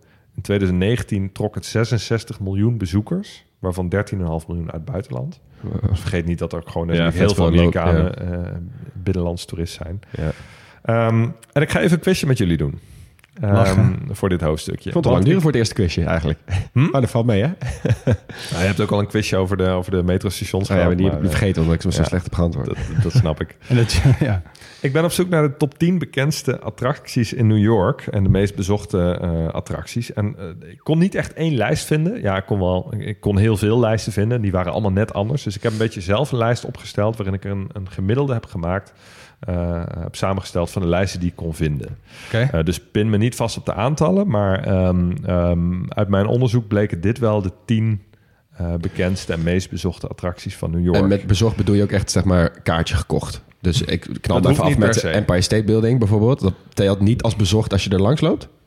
Nee, nee, nee. Je moet er, eh, daar, moet je geweest. inderdaad wel in zijn Ja, geweest. Maar eh, Empire State staat er wel bij. je hoeft niet overal een kaartje te kopen natuurlijk. Nee. Maar voor iedereen die je goed raadt, eh, krijg je een feitje van me. Ehm, en tipje, ze liggen bijna allemaal op Manhattan. Ja. En jij zei Empire State Building. Dat klopt. Die staat in mijn lijst op nummer drie. Dus best wel hoog. En ehm, wat wel bijzonder is, de piek van het Empire State Building... die is oorspronkelijk ontworpen als afmeerpaal voor zeppelins. Wat? Ja, dus je, Hey, wat is een afmeerpaal? Ja, dat is eigenlijk gewoon wat je in een haven hebt. eh, Ja. aan een steiger waar je je lijn omheen hangt als je met een boot aankomt varen. Maar dan Ja. voor zeppelins. Oh, gewoon zo'n Dus dan, dan wordt dat ding zo. gewoon Ah, een soort eh, jongetje Gevangen, dat gewoon een, eh, ballon, Ja. vasthoudt. Ja, ja nou, vrij nice. bizar. Oké, Ja. Max. Oké, ja, dat was wel een goed feitje. Nou, dan eh, is, is Times Square dan ook gewoon een attractie? Zeker. Times Square staat in mijn lijst op vier. En ehm, eh, Times Square is geen vierkant. maar het zijn eerder twee driehoeken met Ja. de punten aan elkaar. Dus een beetje zandloopfiguur. En Leon. eh, telt Central Park? Central Park telt zeker en staat op twee. Ehm, daar hebben we het natuurlijk al even over gehad. En we hebben het ook al over dierentuinen gehad. Maar in Central Park heb je er ook één. Ehm, en dat is de dierentuin waar de dieren uit de animatiefilm Madagascar Ja, daar wil uit ik tegen ontsnapten. zeggen, ja. Of uit werden weggestuurd. Ja, ja, ja. ja. Dus is dat cirkeltje ook weer rond. Ja, nice. Je zei vooral op Manhattan, hè? Ja. Oké, dan... eh. Eh, ja, Ground Zero dan misschien? Eh, ja, zeker. Ik eh, noem dan even eh, het 9-11 Memorial. Ja. Ehm, buiten heb je, heb je de, plek van de twee oude torens. Die zijn gemarkeerd met twee vijvers. En de namen van alle dodelijke slachtoffers... die staan op de randen van de vijvers. Ja, dat is heel Ja, toen ik er indrukwekkend. was, was dit nog niet af. Jij hebt het Ik heb het wel gezien, ja. Dat is best indrukwekkend. Ja. Je bent wel een heel gek ook in je hoofd, maar je bent wel meteen dat je denkt, dit is zoveel ruimte. Midden in de stad, die ze Ja. daarvoor hebben opgeofferd. We hebben natuurlijk ook wel echt een monument. Dus het is wel echt heel indrukwekkend Ja, goed daarvoor. dat ze dat hebben gedaan. Die stond Ja. op zeven. Ja. Telt, ik vraag me af, hè? Even misschien een klein gokje, maar telt de Brooklyn Bridge? Ja, zeker. Staat Yes. op acht. Kijk. Ehm, Dat was ooit met afstand de langste hangbrug ter wereld... toen die werd gebouwd. En, ja, Oké. Want hij is, hij is, Hij is gewoon best wel oud. Ja. en ook best wel klassiek. Als Ja. in iedereen, jij herkent hem zo. Ja, Ja. Max. Ehm, ja, ik twijfel een beetje, want ik wilde eigenlijk wel eentje noemen... waar ik, wel, ik weet niet of iedereen ook echt de moeite neemt om die boot te pakken... maar ik zeg gewoon eh, Statue of Liberty. Ja, zeker. Staat op één. Oh, toch wel? Staat hij echt op één? Ja, Wow. Je zei al, het eh, was een cadeautje van Frankrijk. Eh, net als het, eh het eh eh, Christus Verlosserbeeld in Rio de Janeiro Ja. bijvoorbeeld. Eh, is ook overgevaren. Die waren wel gul, hè? het, het stalen skelet van het vrijheidsbeeld is ontworpen door Gustave Eiffel. Ja, Ja. ja wist ik, ja. Ja, die heeft al een er- ervaring mee. Ja, oké. Leon. Het Broadway, telt dat? Ja, zeker. Lekker. Ehm, op Broadway eh, en heb je natuurlijk het theaterdistrict. Eh, er zijn 41 Broadway theaters, maar er zitten er maar vier op Broadway zelf. De rest zit in de zijstraat. ja, ik heb straks nog een eh, heel stukje even Broadway Mooi. voor jullie. Dat is een mooi inleidertje. Ja. Even kijken, jullie missen nog de nummer 5, de nummer 9 en de nummer 10. Ik vind jullie lekker bezig. En die eh, liggen wel allemaal op Manhattan? Eh, ja, Oké. Ehm, vanaf nu vind ik het moeilijker worden, maar laat ik eens zeggen... eh, Flatiron Building? nee. Oké, balen. Ehm, eh, Wall Street als, als district, telt dat? Nee. Of staat er niet bij? Nee, ik ga nee. nog ik ga jullie helpen. Eh, op 5 staat het Rockefeller Center. Oh ja, Ehm, eh, Daar ben ik op geweest. Dat is het huismerk Empire State Building beklimming. nee, serieus. Laten ze maar niet horen daar. Dan Dat is kun je die voor de Dan deur. kun je Maar veel makkelijker op. als je, dat is die Ja? plek toch Ja, waar je zo. altijd... Het Dome of the Rock inderdaad. En het is gruwelijk, want vanaf daar kun je een foto maken van Empire State Building. Ja. Oh, ja. Ja. En eh, momenteel staat er natuurlijk een kerstboom. Die staat daar standaard, dat is heel beroemd. Eh, eh, Met in, kerst. die, in die kerstboom hangen 50.000 lichtjes. En de ster in de top heeft een diameter van 3 meter. Wow. En altijd als je in films ziet dat mensen aan het schaatsen zijn in New York... is dat vrijwel altijd op dat watertje voor eh 30 Rock, zeg maar. De, Oh ja, ja, ja, precies. Plaza. Ja, ja, klopt. Ja. Nou, dan op 9 eh, heb ik gezet het Metropolitan Museum of Art. Kwam ook heel, hoog, Ja. heel vaak en hoog voor op de, op de andere lijstjes. Ehm, eh, en daar staat de oudste nog bestaande piano ter wereld. Vet. Gemaakt door de, persoon, door de persoon die de piano uitvond. Meneer Piano. Toch? ja. Nee, is niet meneer Piano. Ama piano. Mevrouw Vleugel. En op 10 is wel een bijzondere. Ehm, is vrij nieuw. Eh, nog niet zo heel, heel bekend bij het, bij het grote publiek. Maar kwam eh, toch heel hoog op de lijsten voor. Eh, vandaar dat ik hem heb opgenomen. De High Line. Ja, ik wilde dit zeggen, maar ik dacht, nee, dat kan niet. Oh, Ja, wat echt. goed. Ehm, dat is een voormalige bovengrondse spoorlijn. En die is eh, eh, afgebroken en eh, omgetoverd tot een park en een wandelgebied. Dus Ja. je- je loopt eigenlijk tussen de hoogbouw door op een verhoogde Ja. eh, spoorviaduct eigenlijk. Ja, ik ik- vind dat echt Heel vet. Ik ben Ja, er ook, toen ik er was, geweest? bestond het nog niet, geloof ik. Maar Ja, ik, heb er, Ik ben er wel geweest. Het is best wel leuk. Wat ik heel grappig vond, is dat je dan dus... Je je loopt dan op, nou ja, wat is het, op de hoge, zeg maar, metrolijn. Dus je, je kijkt dan bij mensen naar binnen. In, Ja. Gewoon in Ja. New York, zeg maar. Want je kan natuurlijk in New York nooit aan een huis kijken. nee. Want alle begaande grond is bijna allemaal of winkel of gewoon, ja, Ja. Ja. eh, bedrijf. Maar dan in één keer kijk je dus bij die typische kleine appartementjes... die je echt kent uit de films en de series en zo. Dan zit je Ja. in één keer, kijk je dan... de- Ik vond het heel Misschien vet. niet heel chill als je daar woont. Dat er ineens inderdaad. een, vet, een vet grote toerist. Het is wel echt heel snel aan het verhipsteren, zag ik al. Want het, ah, zoals alles in New York. Maar je kan er Ja. wel hele mooie foto's. Ik eh, adviseer om het te doen eh, tijdens eh, de laatste uurtjes van de dag. Dan heb je echt een mooie uitzicht ook. Ik heb altijd wel een zwak voor de achterkant van huizen. Dus als je met spoor ergens een stad binnenkomt, dat je Ja. altijd de achterkant ziet van. Dat vind ik veel spannender dan de Ja. voorkant. Ja, Ja, Hoe, hoe richten mensen die, die gare tuintjes nou in en die balkonnetjes? ja echt. Ja, Ja, dat, dat kun je daar wel goed doen, denk ik. ja.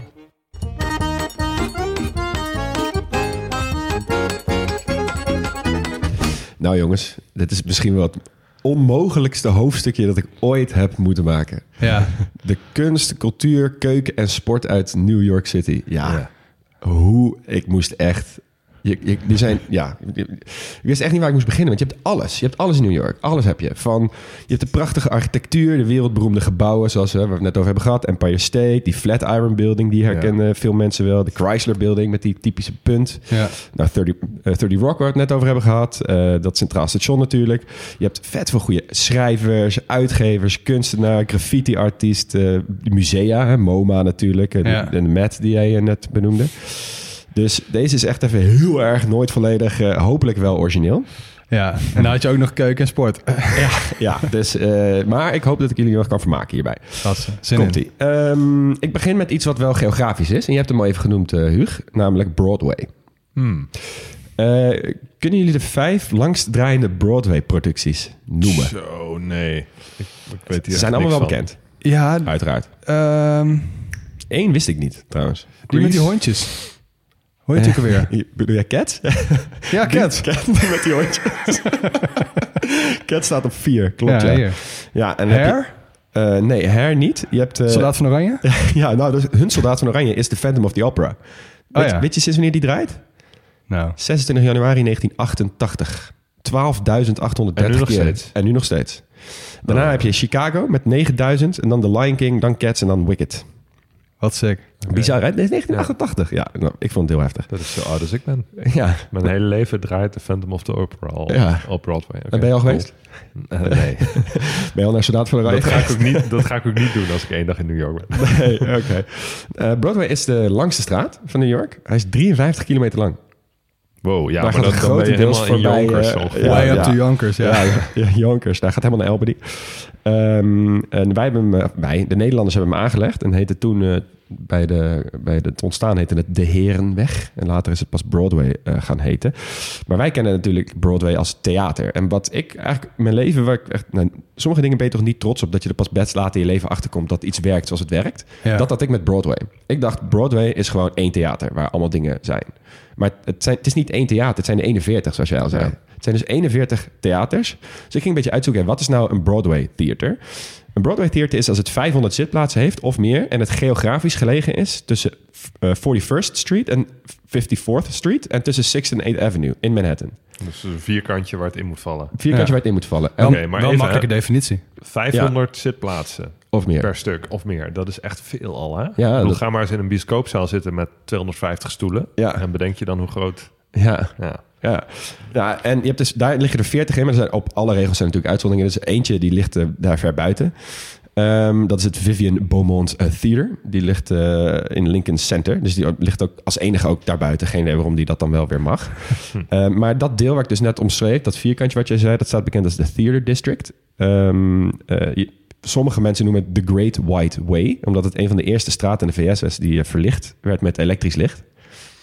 Ehm, en die bijnaam werkt natuurlijk vandaag ook nog prima. Want ik weet niet of jullie er zijn geweest s'avonds. Maar op Broadway heb je natuurlijk al die lichten. En Ja. zeg maar, los, van het, eh, los van Times Square, eh, wat ook aan Broadway ligt, heb je natuurlijk gewoon duizend miljoen eh, kleurtjes en lichtjes en gekkigheid bij We hebben het er niet eens genoemd, maar het is natuurlijk ook gewoon de city that never sleeps. Nou, dan, city, ja. dat, komt Ja. daar wel tot uiting. Ja. Ja. Nou, en wat dus grappig is, ook geografisch, je hebt dus naast Broadway heb je ook nog off-Broadway. En dat zijn dus professionele theaters met contracten tussen de 99 en 499 zitplaatsen. Eh, ooit opgericht om de minder welvarende New Yorker ook nog een plekje te kunnen geven. Ehm, dus niet per se veel slechter in kwaliteit, maar wel, eh, goed, zeg maar wel minder decor en minder extravaganza. En daardoor dus goedkoper. Dan heb je ook nog off-off Broadway. dat zijn theaters met minder dan 100 zitplaatsen. En dit is vaak beginnend niveau en daarom ook nog best wel goedkoop. En dan heb je nog het afvoerputje van de theaterwereld. Off-off-off Broadway. Nee hoor. Oh joh. Ja, dat is echt maar super avant-garde, experimenteel. Heet totaal niet commercieel. Maar, dat kunnen wij ook. Ja, als Ja. wij gewoon... Ik denk, als wij zeg maar een, eh, een live show van de grote podcast al zouden doen... denk ik dat we, dat we off-off. Broadway zijn. Niet eens off-off-off. Goeie Als- zelfreclame. We hebben compleet nooit naar always onze live show. Ja, ja nou goed. Eh, eh, dan eh, spring ik even door naar de muziek. Ja, je hebt natuurlijk... Er zijn heel veel echte anthems van New York. Ik ga jullie steeds eentje laten horen... en dan mogen jullie raden welke dit is. Start spreading the news. I'm leaving today. Frank. Frank. In New intro. York, New York. Ja, Team from New York, New York. Ja, dat is natuurlijk eh, een heel bekend, eh, een heel bekend nummer over New York. Dit is vet. Dit is gewoon een, een muziekhoofdstukje wat je kunt verpakken in een quizje. Dat hebben we nog niet gehad. Nee, ja, Meestal klopt. moet, je- moet jij ons verrassen. Ja, maar ja. nu eh, kun je controleren of we wel gewoon goed ons best gedaan Ja, hebben. daarom gaan we gewoon meteen door naar het tweede nummertje.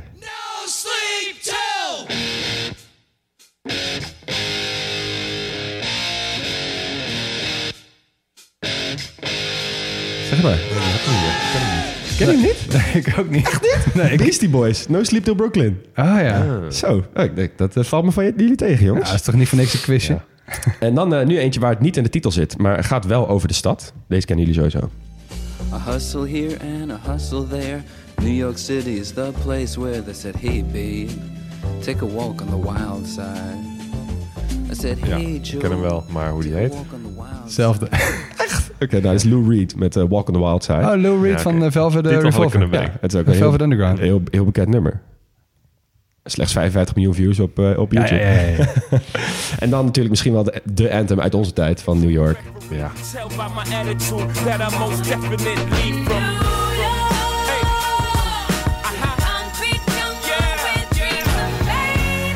Alicia Keys. Ja. Empire State of Mind. Empire State of Mind. Ja, ik vind deze echt heel goed. ja, ik ook met Jay-Z. Ja. Was echt een banger ook altijd in de, in de, tijdens het uitgaan. Iedereen Ja. volle bakker meezingen, terwijl zij natuurlijk veel hoger kan zingen dan 99% van de Ja, mensen. maar dat Ja. heb je niet door. Ze moesten toch niet het geluid uitdraaien ineens, Nee. want dan krijg je, niet mooi, dan krijg je geen mooie dingen. Nee. Maar dit liedje is me nooit gaan vervelen. Nee, mij ook niet. Er zit ook heel veel in. En Jay-Z is, vind ik gewoon echt wel een goede artiest ook. Dus ja, Ja. werkt wel goed. Ehm, nou, er zijn natuurlijk ook heel veel mooie plekken waar je naar de muziek kunt luisteren. Je hebt Carnegie Hall. Dat is een hele bekende plek voor het klassieke muziek. Radio City Music Hall, de Bowery Ballroom en de Blue Note Jazz Club. Dit zijn allemaal, zeg maar, binnen hun eh, genre zijn het de, echt de, de, de top drie plekken waar je dan opgetreden wil hebben natuurlijk. En een van de bekendste daarvan is Apollo Theater. En eh, vooral Apollo Theater is heel belangrijk in de geschiedenis van de zwarte gemeenschap in New York. Omdat dat was echt de eerste plek waar allemaal muziekstijlen opkwamen. Dus Harlem Jazz en Swing en R&B, Gospel, Blues en Soul. Dat ging daar echt leven, zeg maar, in, Ja. eh, in, eh, in New York. Ehm, overigens ehm, eh, ligt James Brown, die kennen we wel toch, James Brown? Ja, ja. Ligt opgebaard in het Apollo, werd opgebaard in het Apollo toen hij overleed in 2006. Wow. Mooie plek. Ehm, eh, er zijn allemaal andere genres en subgenres in New York ontstaan. Of in ieder geval op een andere wijze echt wel tot bloei gekomen. Denk aan Tin Pan Alley Ragtime. Ik wist niet wat het was, maar het is echt van die typische jaren twintig muziek met heel snel gepraat, zeg maar. Eh, en dan heb je de bebop en doobop. Dat zijn twee muziekstijlen die zijn vernoemd naar dat je dus de hele tijd bop, bop, bop, die bop, bop, bop doet. Ja. Salsa, disco, punk, new wave. En er is eentje die ik ook hier even wat dieper in wil gaan, omdat die ook geografisch is. En dat is hip-hop. Ah ja. Ja. Even een kort geografielesje. Vlak na de oorlog, we hebben het heel even kort aangehaakt net, maar vlak na de oorlog was er een zogenaamde White Flight uit de Bronx. Eh, de Bronx was toen nog helemaal, zat helemaal vol met witte gezinnen en witte mensen. Eh, maar die trokken allemaal naar de suburbs toen. Dus die gingen allemaal verder weg van de stad wonen, omdat ze het stadgeluid eh, veel, veel te heftig vonden. Nou goed, ze wilden gewoon rust eigenlijk. Toen was er heel veel plek voor mensen uit Puerto Rico, Jamaica, Cuba, zeg maar. Die generatie die toen daar, daar kon wonen, relatief goedkoop. En al die culturen hadden natuurlijk allemaal hun eigen smaken meegenomen in muziekstijl. En die mixten dat allemaal op straat ook veel. En er kwam veel interactie en daardoor ontstond eigenlijk heel veel muziek. Eh, maar wat dus gebeurde, jaren later moesten die witte mensen die naar de suburbs waren verhuisd, moesten wel weer terug de stad in. Wat ze toen hebben gedaan, hebben ze de Cross Bronx Expressway gebouwd. Gewoon dwars door eh, waar al die huizen stonden. ja. Zo van, oh ja, het maakt ons even niet uit wie hier woont. Wij hebben gewoon een zo snel mogelijk weg nodig van eh, die suburbs naar de stad. Ja. En toen moesten vet veel mensen gedwongen verhuizen naar zogenaamde projects. Daar zullen we het in de Amerika aflevering ook wel over hebben. Van die woningbouw met hele slechte kwaliteit in de VS. En ook staat ook wel eens nu symbool voor echte verpaupering en achteruitgang. En weinig kansen eh, die daar vanuit komen. Ja. Ehm, en hier werden mensen echt gedwongen op hele kleine stukken land te leven. En zaten ze eigenlijk constant buiten als het kon. Want ja, binnen was gewoon te klein. En zo eh, zijn eh, eh, de zogenaamde house- en block parties ontstaan. Dus gewoon mensen die bij elkaar gewoon feestjes gingen geven. En op 11 augustus 1973 organiseerde de Jamaicaanse DJ Cool Herc een Back to School Jam. op 1520 Sedgwick Avenue in de Bronx. Nou, als je ooit een plek zo kan aanwijzen waar muziek is geboren, is het op deze dag op die plek. Want mensen zien dit gewoon als de allereerste hip-hop party ooit. Want wat hij deed, hij was niet alleen aan het draaien, dus hitjes aan het draaien, maar hij was ook tegelijkertijd aan het praten over die hitjes heen. Dus eigenlijk aan het MC'en. Dus Ja. een beetje aan het rappen. En wat hij dus deed voor het eerst, daarom is het zo uniek, hij draaide de plaat steeds terug, dat hij op de drop terecht kwam. Dus, dus eigenlijk de beat, als de beat erin komt, dat is vaak na vier, eh, vier tonen. En doordat hij dat deed, was er eigenlijk de hele tijd een soort climax. Dus hij was eigenlijk aan het draaien. In plaats van dat zeg maar een nummer... Ja, dan heb je een, een chorus en dan heb je een, of heb je een refrein... en dan heb je nog een ander stuk. Hier was hij gewoon de hele tijd zat hij op, was hij op zoek... met het draaien van die plaat naar de climax. ja. Ja. In plaats van dat jij wacht op de climax, laat je de climax gewoon naar jou komen. Ja, en hij ging daar dus op rappen. En dat, dat deed hij dus zodat mensen daar langer op konden blijven dansen. Een beetje soort breakdansen, b-boy-achtige dingen. Eh, en zo is hip-hop daar dus eigenlijk eh, ontstaan. En dat ging echt als een lopend vuurtje daar meteen helemaal eh, zijn eigen leven leiden daar natuurlijk. Omdat ja, die, die communities waren natuurlijk super erg met elkaar verbonden. Ja. Eh, DJing werd een ding dus, om die drop uit te stellen en, en, zeg maar zelf te bepalen wanneer die kwam. Eh, graffiti kwam toen heel erg op uit de vorm van politiek protest. Maar was natuurlijk ook makkelijk om je eigen je gang zeg maar een tag te geven. En dan Ja, ja, oké, wij, zijn, wij zijn hier de baas. Ja. Ehm, en wat ook heel belangrijk is, je hebt vijf elementen van hip-hop. Weet je, ken- Kunnen jullie ze voor? Ik heb er een paar genoemd. MC'ing, Ja. eh, beatboxing.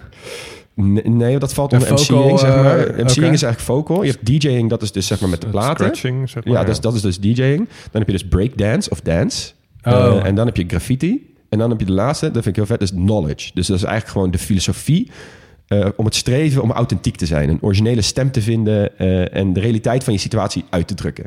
Dus daarom zeggen heel veel hip-hop-nummers gaan dus ook over be real. Weet je wel? Laat zien Ja. hoe het echt is. In Ja. plaats van. Nooit volledig wel origineel. Ja. Die teksten zijn vaak super poëtisch. En ook echt, er kunnen echt aanklacht zijn tegen de samenleving. Er zit vaak veel meer in dan dat je op eerste instantie zou, eh, zou zeggen. Ja, echt. En eh, precies. En die hele filosofie is natuurlijk uit eigen leven geleid. En sommige mensen zeggen dat er veel meer elementen aan hip-hop nu zitten. Bijvoorbeeld de kledingstijl en dat soort dingen. Ehm eh, wij hebben. Eh, Ik ga nu iemand bespreken die we al hebben besproken, volgens mij, in Barbados. En Hugo, en jij en ik hebben hem live gezien. Eh, het gaat ook over Grandmaster Flash. Ja. Want wat er dus gebeurde, heet het, als ze die drop gingen opzoeken. Want alles ging toen nog met de naald, zeg maar, van een, eh, van een pick-up. En soms, als je dat te snel deed, dan hoorde je dat dat tikken van die naald op die plaat. Ja, dat wil je natuurlijk niet als er een nummer is. Dus wat hij deed, hij was de eerste die een plaat op het moment dat die naald erop kwam, even heen en weer haalde, zodat je hoorde, Hey. zodat je die drop niet hoorde. En dat kennen wij nu als scratchen. Ja. Komt een stukje.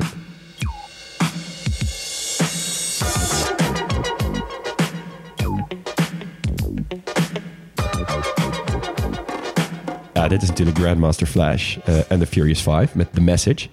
Dit was echt een, eh, een anthem ook toen Ja. hij uitkwam. En hij is, eh, hij is daar dus mee begonnen. Nou, wij, Hugo, en ik hebben hem gezien op een festival in Servië, of all places. Ja. Het was ook echt een vette show. Eh, maar het ook echt gewoon echt een oude baas. Maar hij is dus altijd nog wel daaraan eh, trouw eh, gebleven. Nou goed, in 1978 kwam de echte doorbraak van hip-hop. En toen kwam de Sugar Hill Gang uit New Jersey, moet even gezegd worden. Eh, met een album Rappers Delight. En toen werd ook de term hip-hop wijd gebruikt. Eh, dit, is een, eh, dit is het nummer Rappers Delight.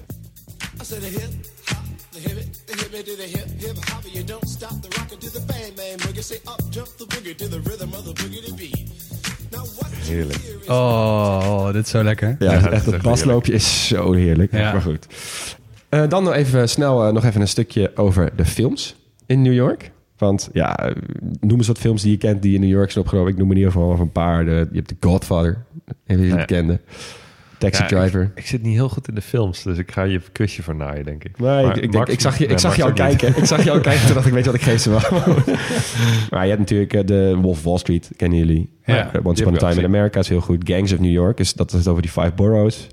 Ehm, alle wat recentere, alle Avenger films, alle superhelden films spelen zich af in, eh, in New York. En natuurlijk alle Spider-Man films. Want iedereen kent dat hij dat tussen de, tussen de gebouwen gaat webben natuurlijk. Eh, je hebt heel veel series, tv-series, die zich in eh, New York afspelen. Ik- Ja, ik dacht dus net dat een van die tien eh, toeristische attracties van Heugnet... dat daar ook dat balkon van Friends tussen zat. Waar iedereen gaat kijken. eh, Bedoel je niet Central Perk?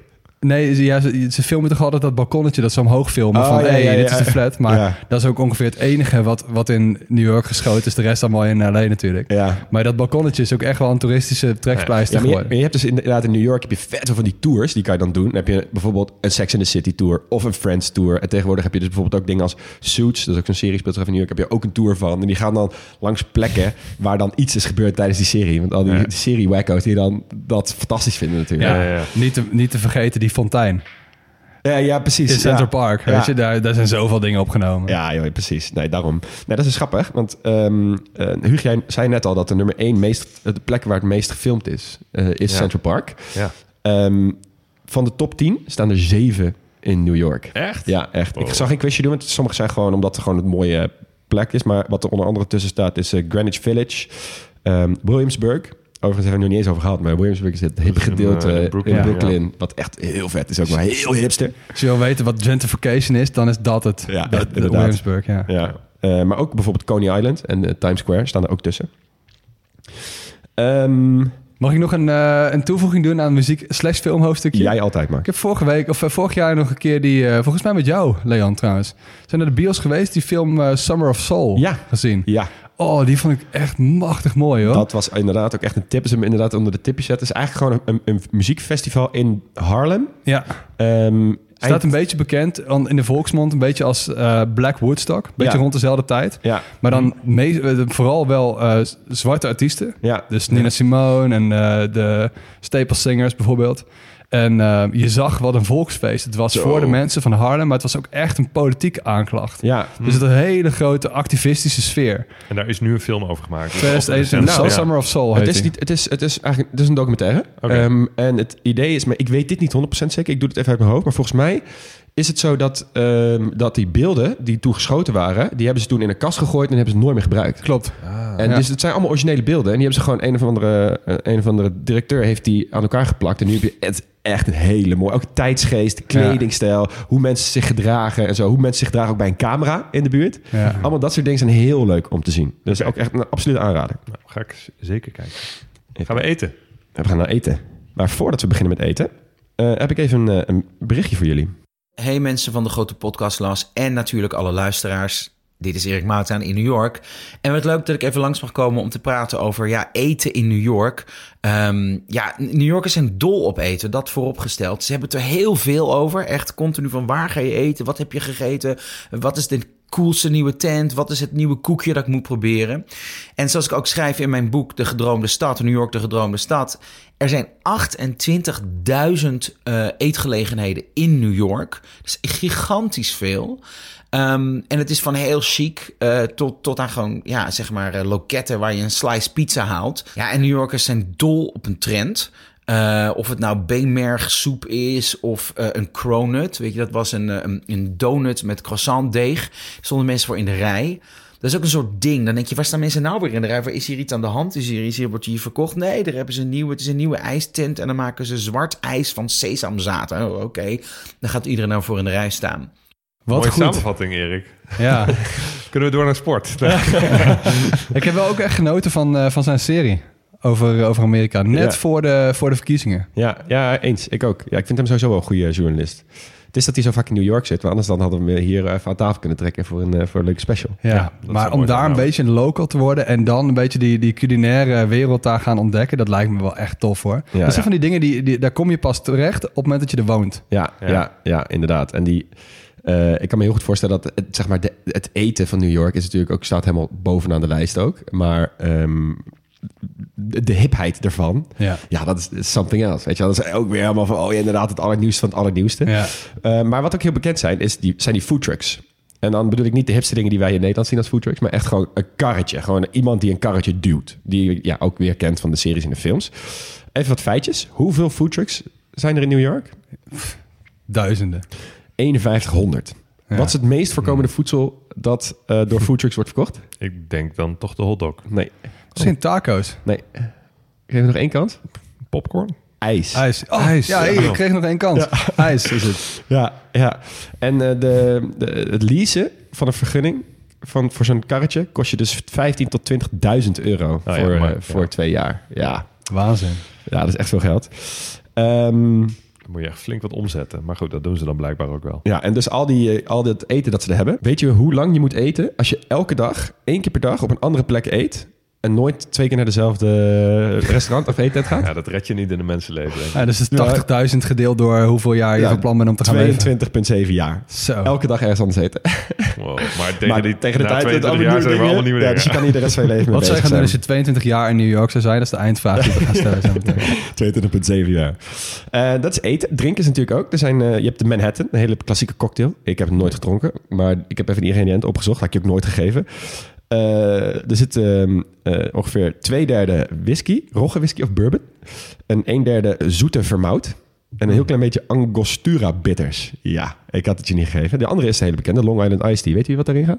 Nee. Ja, heel veel soorten alcohol tegelijkertijd. Precies, ja. Het is echt die shortcut naar dronkenschap Ja, inderdaad, zo zag ik het inderdaad ook altijd. Wodka, jenever, rum en tequila. Eh, en sec, citroensap en eh, ijsblokjes. Ja, dan moet je er niet vier van hebben. Nee. Nou, dan sport. Meteen quizje. Eh, welke sportteams kunnen jullie noemen? Uit New York. De Yankees. Ja, De Yankees, die zijn, dat is Honkbal. honkbal In de Bronx. in de Bronx. En hun stadion heet De Yankee Stadium. Yankee Stadium. Lekker. Volgende. Eh, de Nets, Een Nets. basketbal. Die zijn in New Jersey verhuisd, volgens mij. Nee, die zijn volgens mij, ze zitten in New Jersey. Dat Oh, is een echt? mooi, mooi feitje over de Oh. Nets. Ja. Maar ze zitten inderdaad in eh, Oké. Giants. eh, Giants, zeker, ja. Wel- Welke sport is dat? NFL, toch? NFL, ja. Dus American voetbal. De Mets. De Mets. Ja, dat is vet irritant. Je hebt dus de New York Jets, New York Mets en de Brooklyn Nets. Ja. Ja, het gaat maar door. Eh, en, eh, Maar dat is allemaal basketbal. dat is allemaal basketbal. Nee, eh, de Jets is, eh, is eh, voetbal, American voetbal. Oké. Maar dan mis ik nog twee grote. Ja, ze zullen ook wel een groot ijshockeyteam hebben. Ja. Maar die geef ik je niet. Ja, dat is, zijn de New York... Rangers, de New York Rangers. Oh ja. Weet je wat hun stadion is? Hetzelfde stadion trouwens als de andere grootste basketbalteam uit New York. De Knicks. De Knicks. Ja. Die spelen Oké. hetzelfde stadion. Dus ijshockey en basketbal. En, dus daar wordt gewoon een ijsvloer ingegoten. Ja, dat, laat maar. Ik ben hier geweest trouwens in dit eh, stadion. Echt ook echt fantastische evenement. Het is echt een explosie van, van kapitalisme in je gezicht. Want elke minuut wordt gebruikt om of iets te sponsoren of Ja. jou te, aandacht te trekken. Maar zeg dat maar. zijn ook stadions. Dit zijn indoor stadions. Maar Ja. die zijn groot. Ja, man. Ja. Weet je wat altijd mijn favoriet is?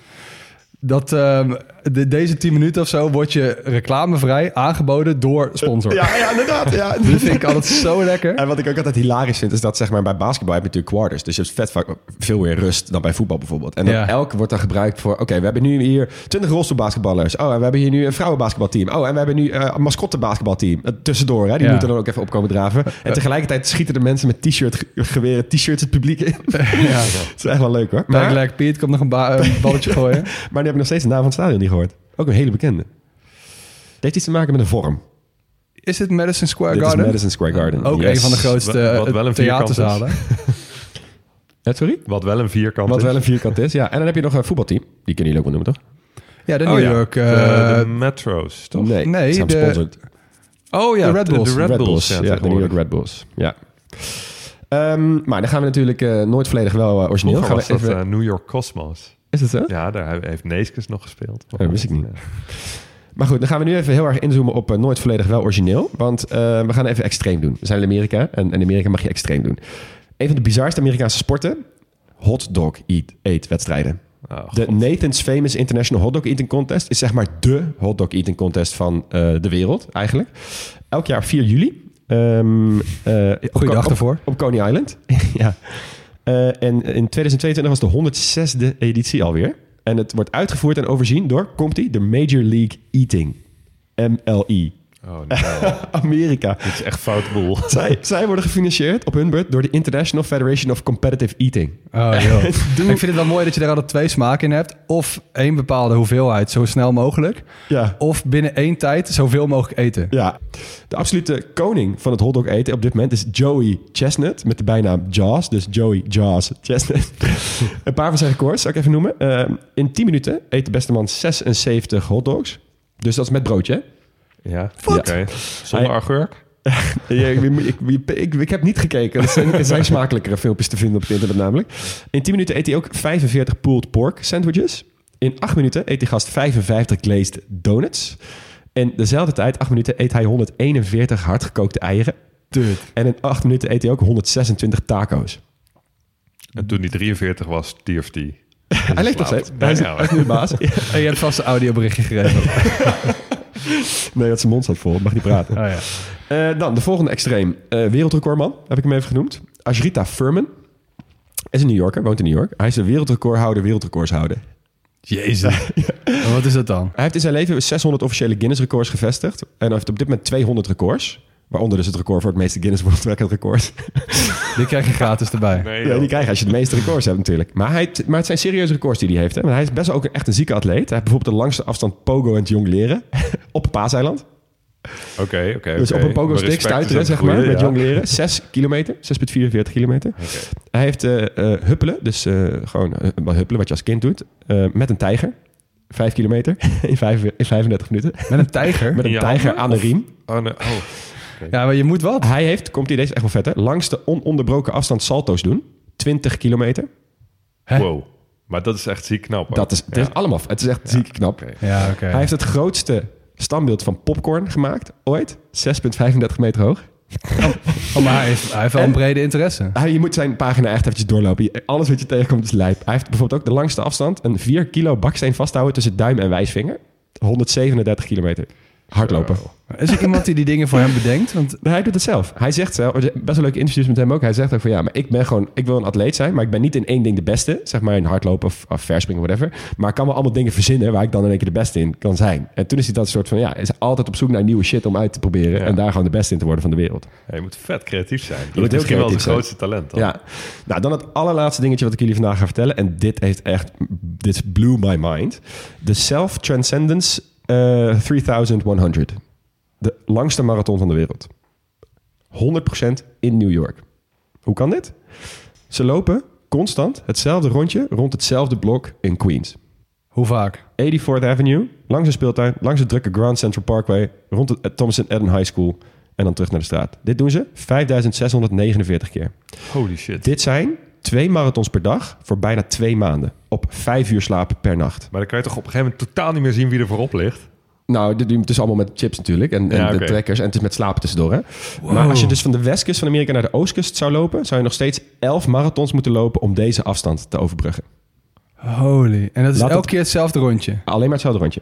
Maar dan kun je toch je, de rest van je leven niet meer linksaf. Als je de hele tijd een rondje Eh, als je 5000 keer rechtsaf maar bent dat blok is dus totaal onbereikbaar. Dat is... Nee, maar het is maar één keer per jaar. Ja, maar hallo, hoe lang duurt het?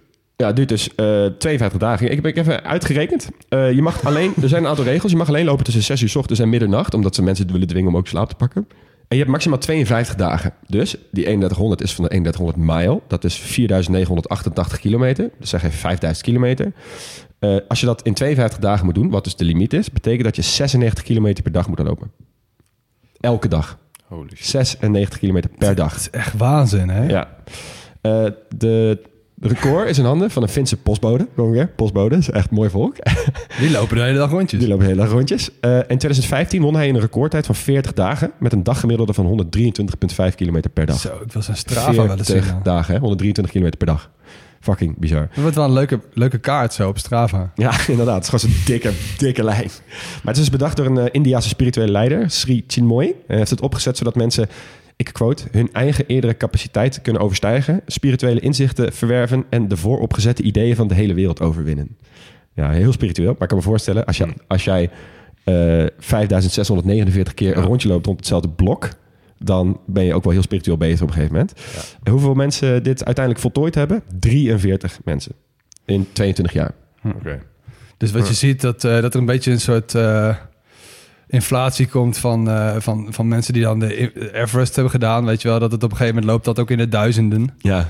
Nou, Ja. dit is het volgende hoofdstuk. Nou, precies. Zij zeggen dus ook, het is het Everest van het ultralopen. Maar eigenlijk is die vergelijking gaat mank. Want ja, is veel meer dan- zwaarder. ja, meer dan 4000 mensen hebben de Everest al bereikt. Maar, Ja, maar precies. 22 of 43 mensen hebben het ooit Ja. gedaan. Gehaald. Als, maar ja, ja, als ik zou mogen kiezen tussen echt mijn leven lang trainen en dan dit één keer kunnen... of Niet? ook lang trainen en dan de Everest beklimmen... dan zou ik lachend voor de Everest gaan. Ja. ik ga het allebei niet doen trouwens. Nee, dat ook.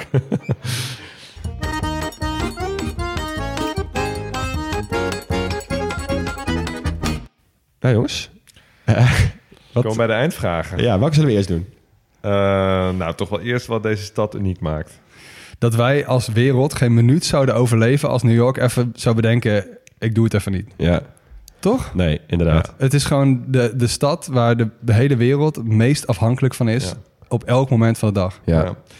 Ja, ik weet nog toen ik aardrijkskunde gaf, toen ehm, eh, was, was de, het begrip wereldstad een ding. En de, de definitie was volgens mij een stad die ehm, op economisch, politiek of cultureel gebied een wereldwijde invloed heeft. En New York was eh, het schoolvoorbeeld van een wereldstad die het alle drie heeft. Ja. En er zijn er niet veel van. Want Nee. je hebt vaak een stad die blinkt heel erg uit in, eh, in het een of het ander. Maar New York heeft natuurlijk al die facetten vertegenwoordigd. Ja. Ja. Ja, maar het is ook geen... Ik denk dat er geen stad ter wereld... Het is gewoon de bekendste stad ter wereld, toch? Er is Ja. geen stad bekender dan, dan New York. Nee, ik denk het ook Nee, het is gewoon de hoofdstad de van de hoofdstad. wereld. Ja, en wat dus echt uniek is, is dus... ehm, kijk, Amerikanen zijn sowieso goed in verhalen vertellen. Dat is één ding wat zeker is. Maar New Yorkers hebben allemaal eigen best wel mooie verhalen. Ook vanwege die achtergrond waar ze vandaan komen. En ook vanwege de, heel veel de kunst of de plekken waar ze zijn. En daardoor heb je natuurlijk zoveel series en boeken en verhalen over mensen uit de stad New York. Ik, Ja. ik- ja, waar we het net over hadden met die, met die series en die films en zo. Ja. Ik, ik kan geen stad me zo goed inbeelden als New York. Ja, ja en ik, ik ga dan toch wel weer een beetje terug naar die ene eh, quote van die Fran Lebowitz... dat hij een beetje minachting had voor de mensen die dus niet durven in New York te wonen. En Ja. dat, dat, dat zet me op zich wel aan het denken. Dat er zijn heel veel van die steden die zijn super groot... maar je moet ook wel ballen hebben om in New York te gaan wonen. Ja, echt, Want het wordt je in heel veel fronten ook niet heel makkelijk gemaakt. Nou, sterker nog. Er is overal ruimtetekort. Het Ja. is altijd druk. Het levenstempo is er volgens mij twee keer zo hoog als in de rest van de wereld. En het is niet te betalen. Nee. Maar toch Je moet blijft het mensen knijtertje hard aantrekken. werken. Ja. ja. Ja, zeker. Nu je dit zo zegt trouwens, met dat eeuwig doorgaan en dat geluid... heb ik misschien nog wel een mooi laatste feitje daarvoor. Dat het namelijk verboden is om te toeteren in Manhattan. Met je Oh. auto. Dat is gewoon verboden. Oh ja. Ja, als mensen Ja. denken aan New York, Goeie. denken ze aan toeterende auto's of zo. Dus als je dat ziet in een film of in een serie, dat is dus niet waar. Kan, kan, Vet goede regel. verboden. ja. Ja, zouden ze een Dakar moeten invoeren. Goed, en wat gaan we doen als we enige in New York zijn? Nou, we zijn er allemaal geweest. Dus we kunnen nu naar een off, off, off, off, off Broadway show. ja, nee, ik, ik, ga, ik ga iets doen wat ik al heb gedaan toen ik er was. En wat ik iedereen kan aanbevelen. Namelijk eh, de metro nemen naar het noordelijkste puntje van Manhattan. Daar Broadway oppakken. En helemaal aflopen naar Lower Manhattan. Oh ja. Oké. Daar ben je wel een dag mee bezig. Ja, ik wou net zeggen. Ehm, en zeker als je af en toe onderweg wat lekkers eet. Eh, maar ja, dan zie je gewoon superveel. En je ziet gewoon die stad eh, zich helemaal opbouwen vanaf Noord-Manhattan naar helemaal Zuid. Nou, dan En heb je echt wel een goed beeld van Manhattan in een dag. Noord-Manhattan zit je dan in Harlem? Ja, dan Ja. zit je nog boven Harlem. Ja, dan zit je tegen de Bronx aan. Ja. Ja. Dat vind ik wel een hele mooie. Ik- Ik, ik weet nog wel op een gegeven moment dat, ehm, dat Harlem was natuurlijk heel slecht. En toen ehm, zijn er wat early adapters die zijn er allemaal heen gegaan. En volgens mij hadden zelfs de Clintons op een gegeven moment ook hun kantoor daar zo. Dat waren redelijk vroeger. Ja. En toen is die, dat deel is toen ook echt zo hard gegentrified. En ook in, in Harlem op een gegeven moment, die, dat stadsdeel is ook heel erg veranderd. Het is ook wel tof om dat te kunnen zien inderdaad. Ja, Het sluit wel een beetje aan dat als ik, als ik nu dag zou hebben... dan zou ik gaan naar zo'n wijk als de Bronx of zo. ja, ik ook 100%. En dan Ja. ehm, eh, beseffend dat dit echt dat tijdens mijn eerste decennia van mijn leven echt een plek was waar je niet wilde zijn. Ja. Maar waar nu zoveel gedaan wordt om die stadsdelen uit het slop te trekken. En dat ze daar verrassend goed in slagen. Ook in combinatie met de eh, vernieuwingsdrift van de mensen zelf. Ja. Superveel van die lokale initiatieven. Ik zou toch gaan kijken of je daar iets van, eh, iets van mee zou kunnen krijgen. Ja, en eh, ik, ik ga ook inderdaad naar de Bronx. Ik heb Queens heb ik al goed gezien. En eh, eh, Brooklyn heb ik al goed gezien. Manhattan ken ik, eh, heb ik al achter alles eigenlijk al wel gezien, zeg maar. Ja, Dan zeg je nogal wat. Ja, nee, ik bedoel niet van binnen of alle Sowieso dingen. niet waar. Nee, nee, nee. Maar zeg maar de, de, de, alle, de, de klassieke dingen, zeg maar. Ja, die top nee, 10 die jij net noemde, die heb ik bijvoorbeeld allemaal wel gezien. Eh, maar inderdaad de Bronx. Ik zou naar de Bronx Zoo gaan. Ik zou inderdaad in de Bronx gewoon rondlopen. Want alleen dat rondlopen al, daar heb je Ja. echt... Ja, dus als, mocht je naar New York gaan en je wil nog tips... schroom niet om ons even een bericht sturen op Insta of, eh, of Twitter of mailen of zo, dan eh, kunnen we je altijd nog wel voorzien van het een en ander. Maar nu moeten we toch echt afsluiten. En eh, eh, dat doen we natuurlijk niet voordat we jullie heel erg bedankt hebben voor het luisteren naar dit hoofdstuk van de niet zo kleine, kleine podcastlas. Eh, dit keer vanuit de huiskamerstudio in Den Dolder. bij bezette huiskamers in Utrecht. Hoorde je Leon Boelens, Max Gerrits en Hugo Noordman en Jonas van Impen doet voor ons de eindmontage. We zijn nooit volledig wel origineel, geen experts, wel liefhebbers. Hebben we iets verkeerd gezegd of zijn we iets cruciaals vergeten? Volg ons en laat het weten via Twitter of Instagram op het Grote Podcastlas. En kijk ook zeker even op onze website grotepodcastlas.nl. Volgende week doen we de volgende stad in dit tweeluik en dat is Moskou. Bye bye.